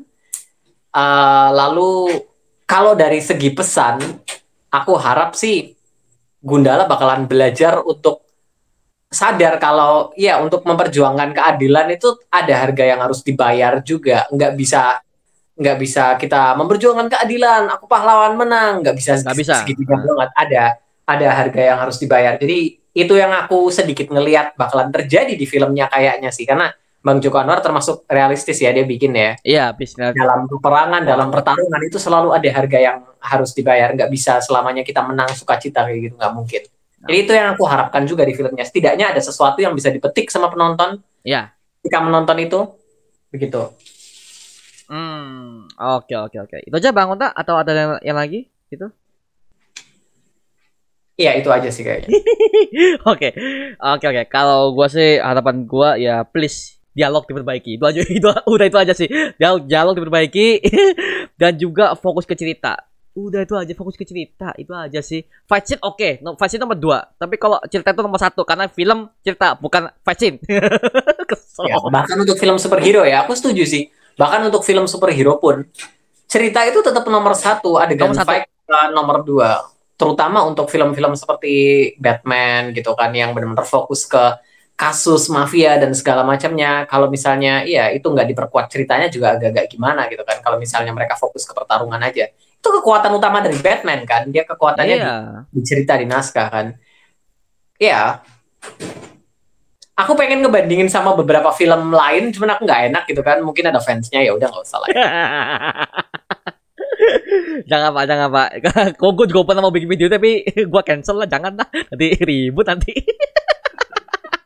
jangan jangan jangan. Kita konten kreator main aman di sini. Oke oke oke iya, oke ya itu aja sih pak mengenai eh, podcast kedua ini. Dan juga ya gue mau juga mau lihat kostumnya Gundalaku yang baru sih. Itu aja sih. Oke, iya. Meskipun aku agak kangen sama kostum yang lama ya, cuman iya mau gimana lagi kan kita tetap harus pindah ke sini, kita harus maju. Yo yang baru. Yang baru tuh. Wow. Itu udah setengah Iron Man tuh pak. Armornya tuh. Aduh. Boleh aja sih. Itu aja gimana sih? Oke. Oke itu aja mengenai video kali ini mengenai podcast Gundala sekali lagi thank you banget buat Bang Onta dari Jagoan Kancil udah hadir di podcast Pananjul Podcast kali ini pak ya. Thank you udah undang. Oke, dan mungkin kita kita akan undang ah, Bang Jafar ya dari Nono dulu ya. Kayaknya lebih asik nih kalau ada dia nih. bahas ini Pak. Gua rencananya kalau mau planning nextnya mungkin bahas Viro Sableng mungkin. Ah, aku nggak bakalan berhenti kalau ngebahas virus Sableng ya Tuhan. Viro Sableng, Viro Sableng. karena gue juga nonton seri siapa karena mungkin ada banyak yang kita bahas. Nah, mungkin nextnya kita akan ajak Bang Jafar dan Nono dulu nih. Mungkin ajak Jago Bumi mungkin kalau mau mungkin Jago Bumi. lebih asik Iya. Pak ini Pak kalau rame-rame gitu. Oke. Oke, thank you banget Bang Onta dan juga buat kalian yang udah nonton video ini dan kalau kalian ada punya pertanyaan tulis aja di kolom komentar di bawah oke dan mungkin kita bisa diskusi bareng seperti biasanya.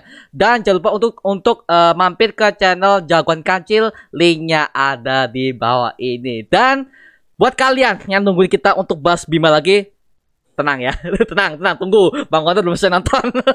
Banyak Pak Bima X Pak. Sabar. Sabar itu aja sih. Oke. Oke, itu aja mengenai video kami. Jangan lupa like, comment, dan subscribe. Untuk mendukung gua sama video mendidik dan menghiburkan semua. Kata gua janji sampai, gini ya. Gua akan buat video seperti lagi untuk kalian. Oke. Sampai jumpa di video berikutnya, Pak. Dan selamat malam. Adios. Woohoo.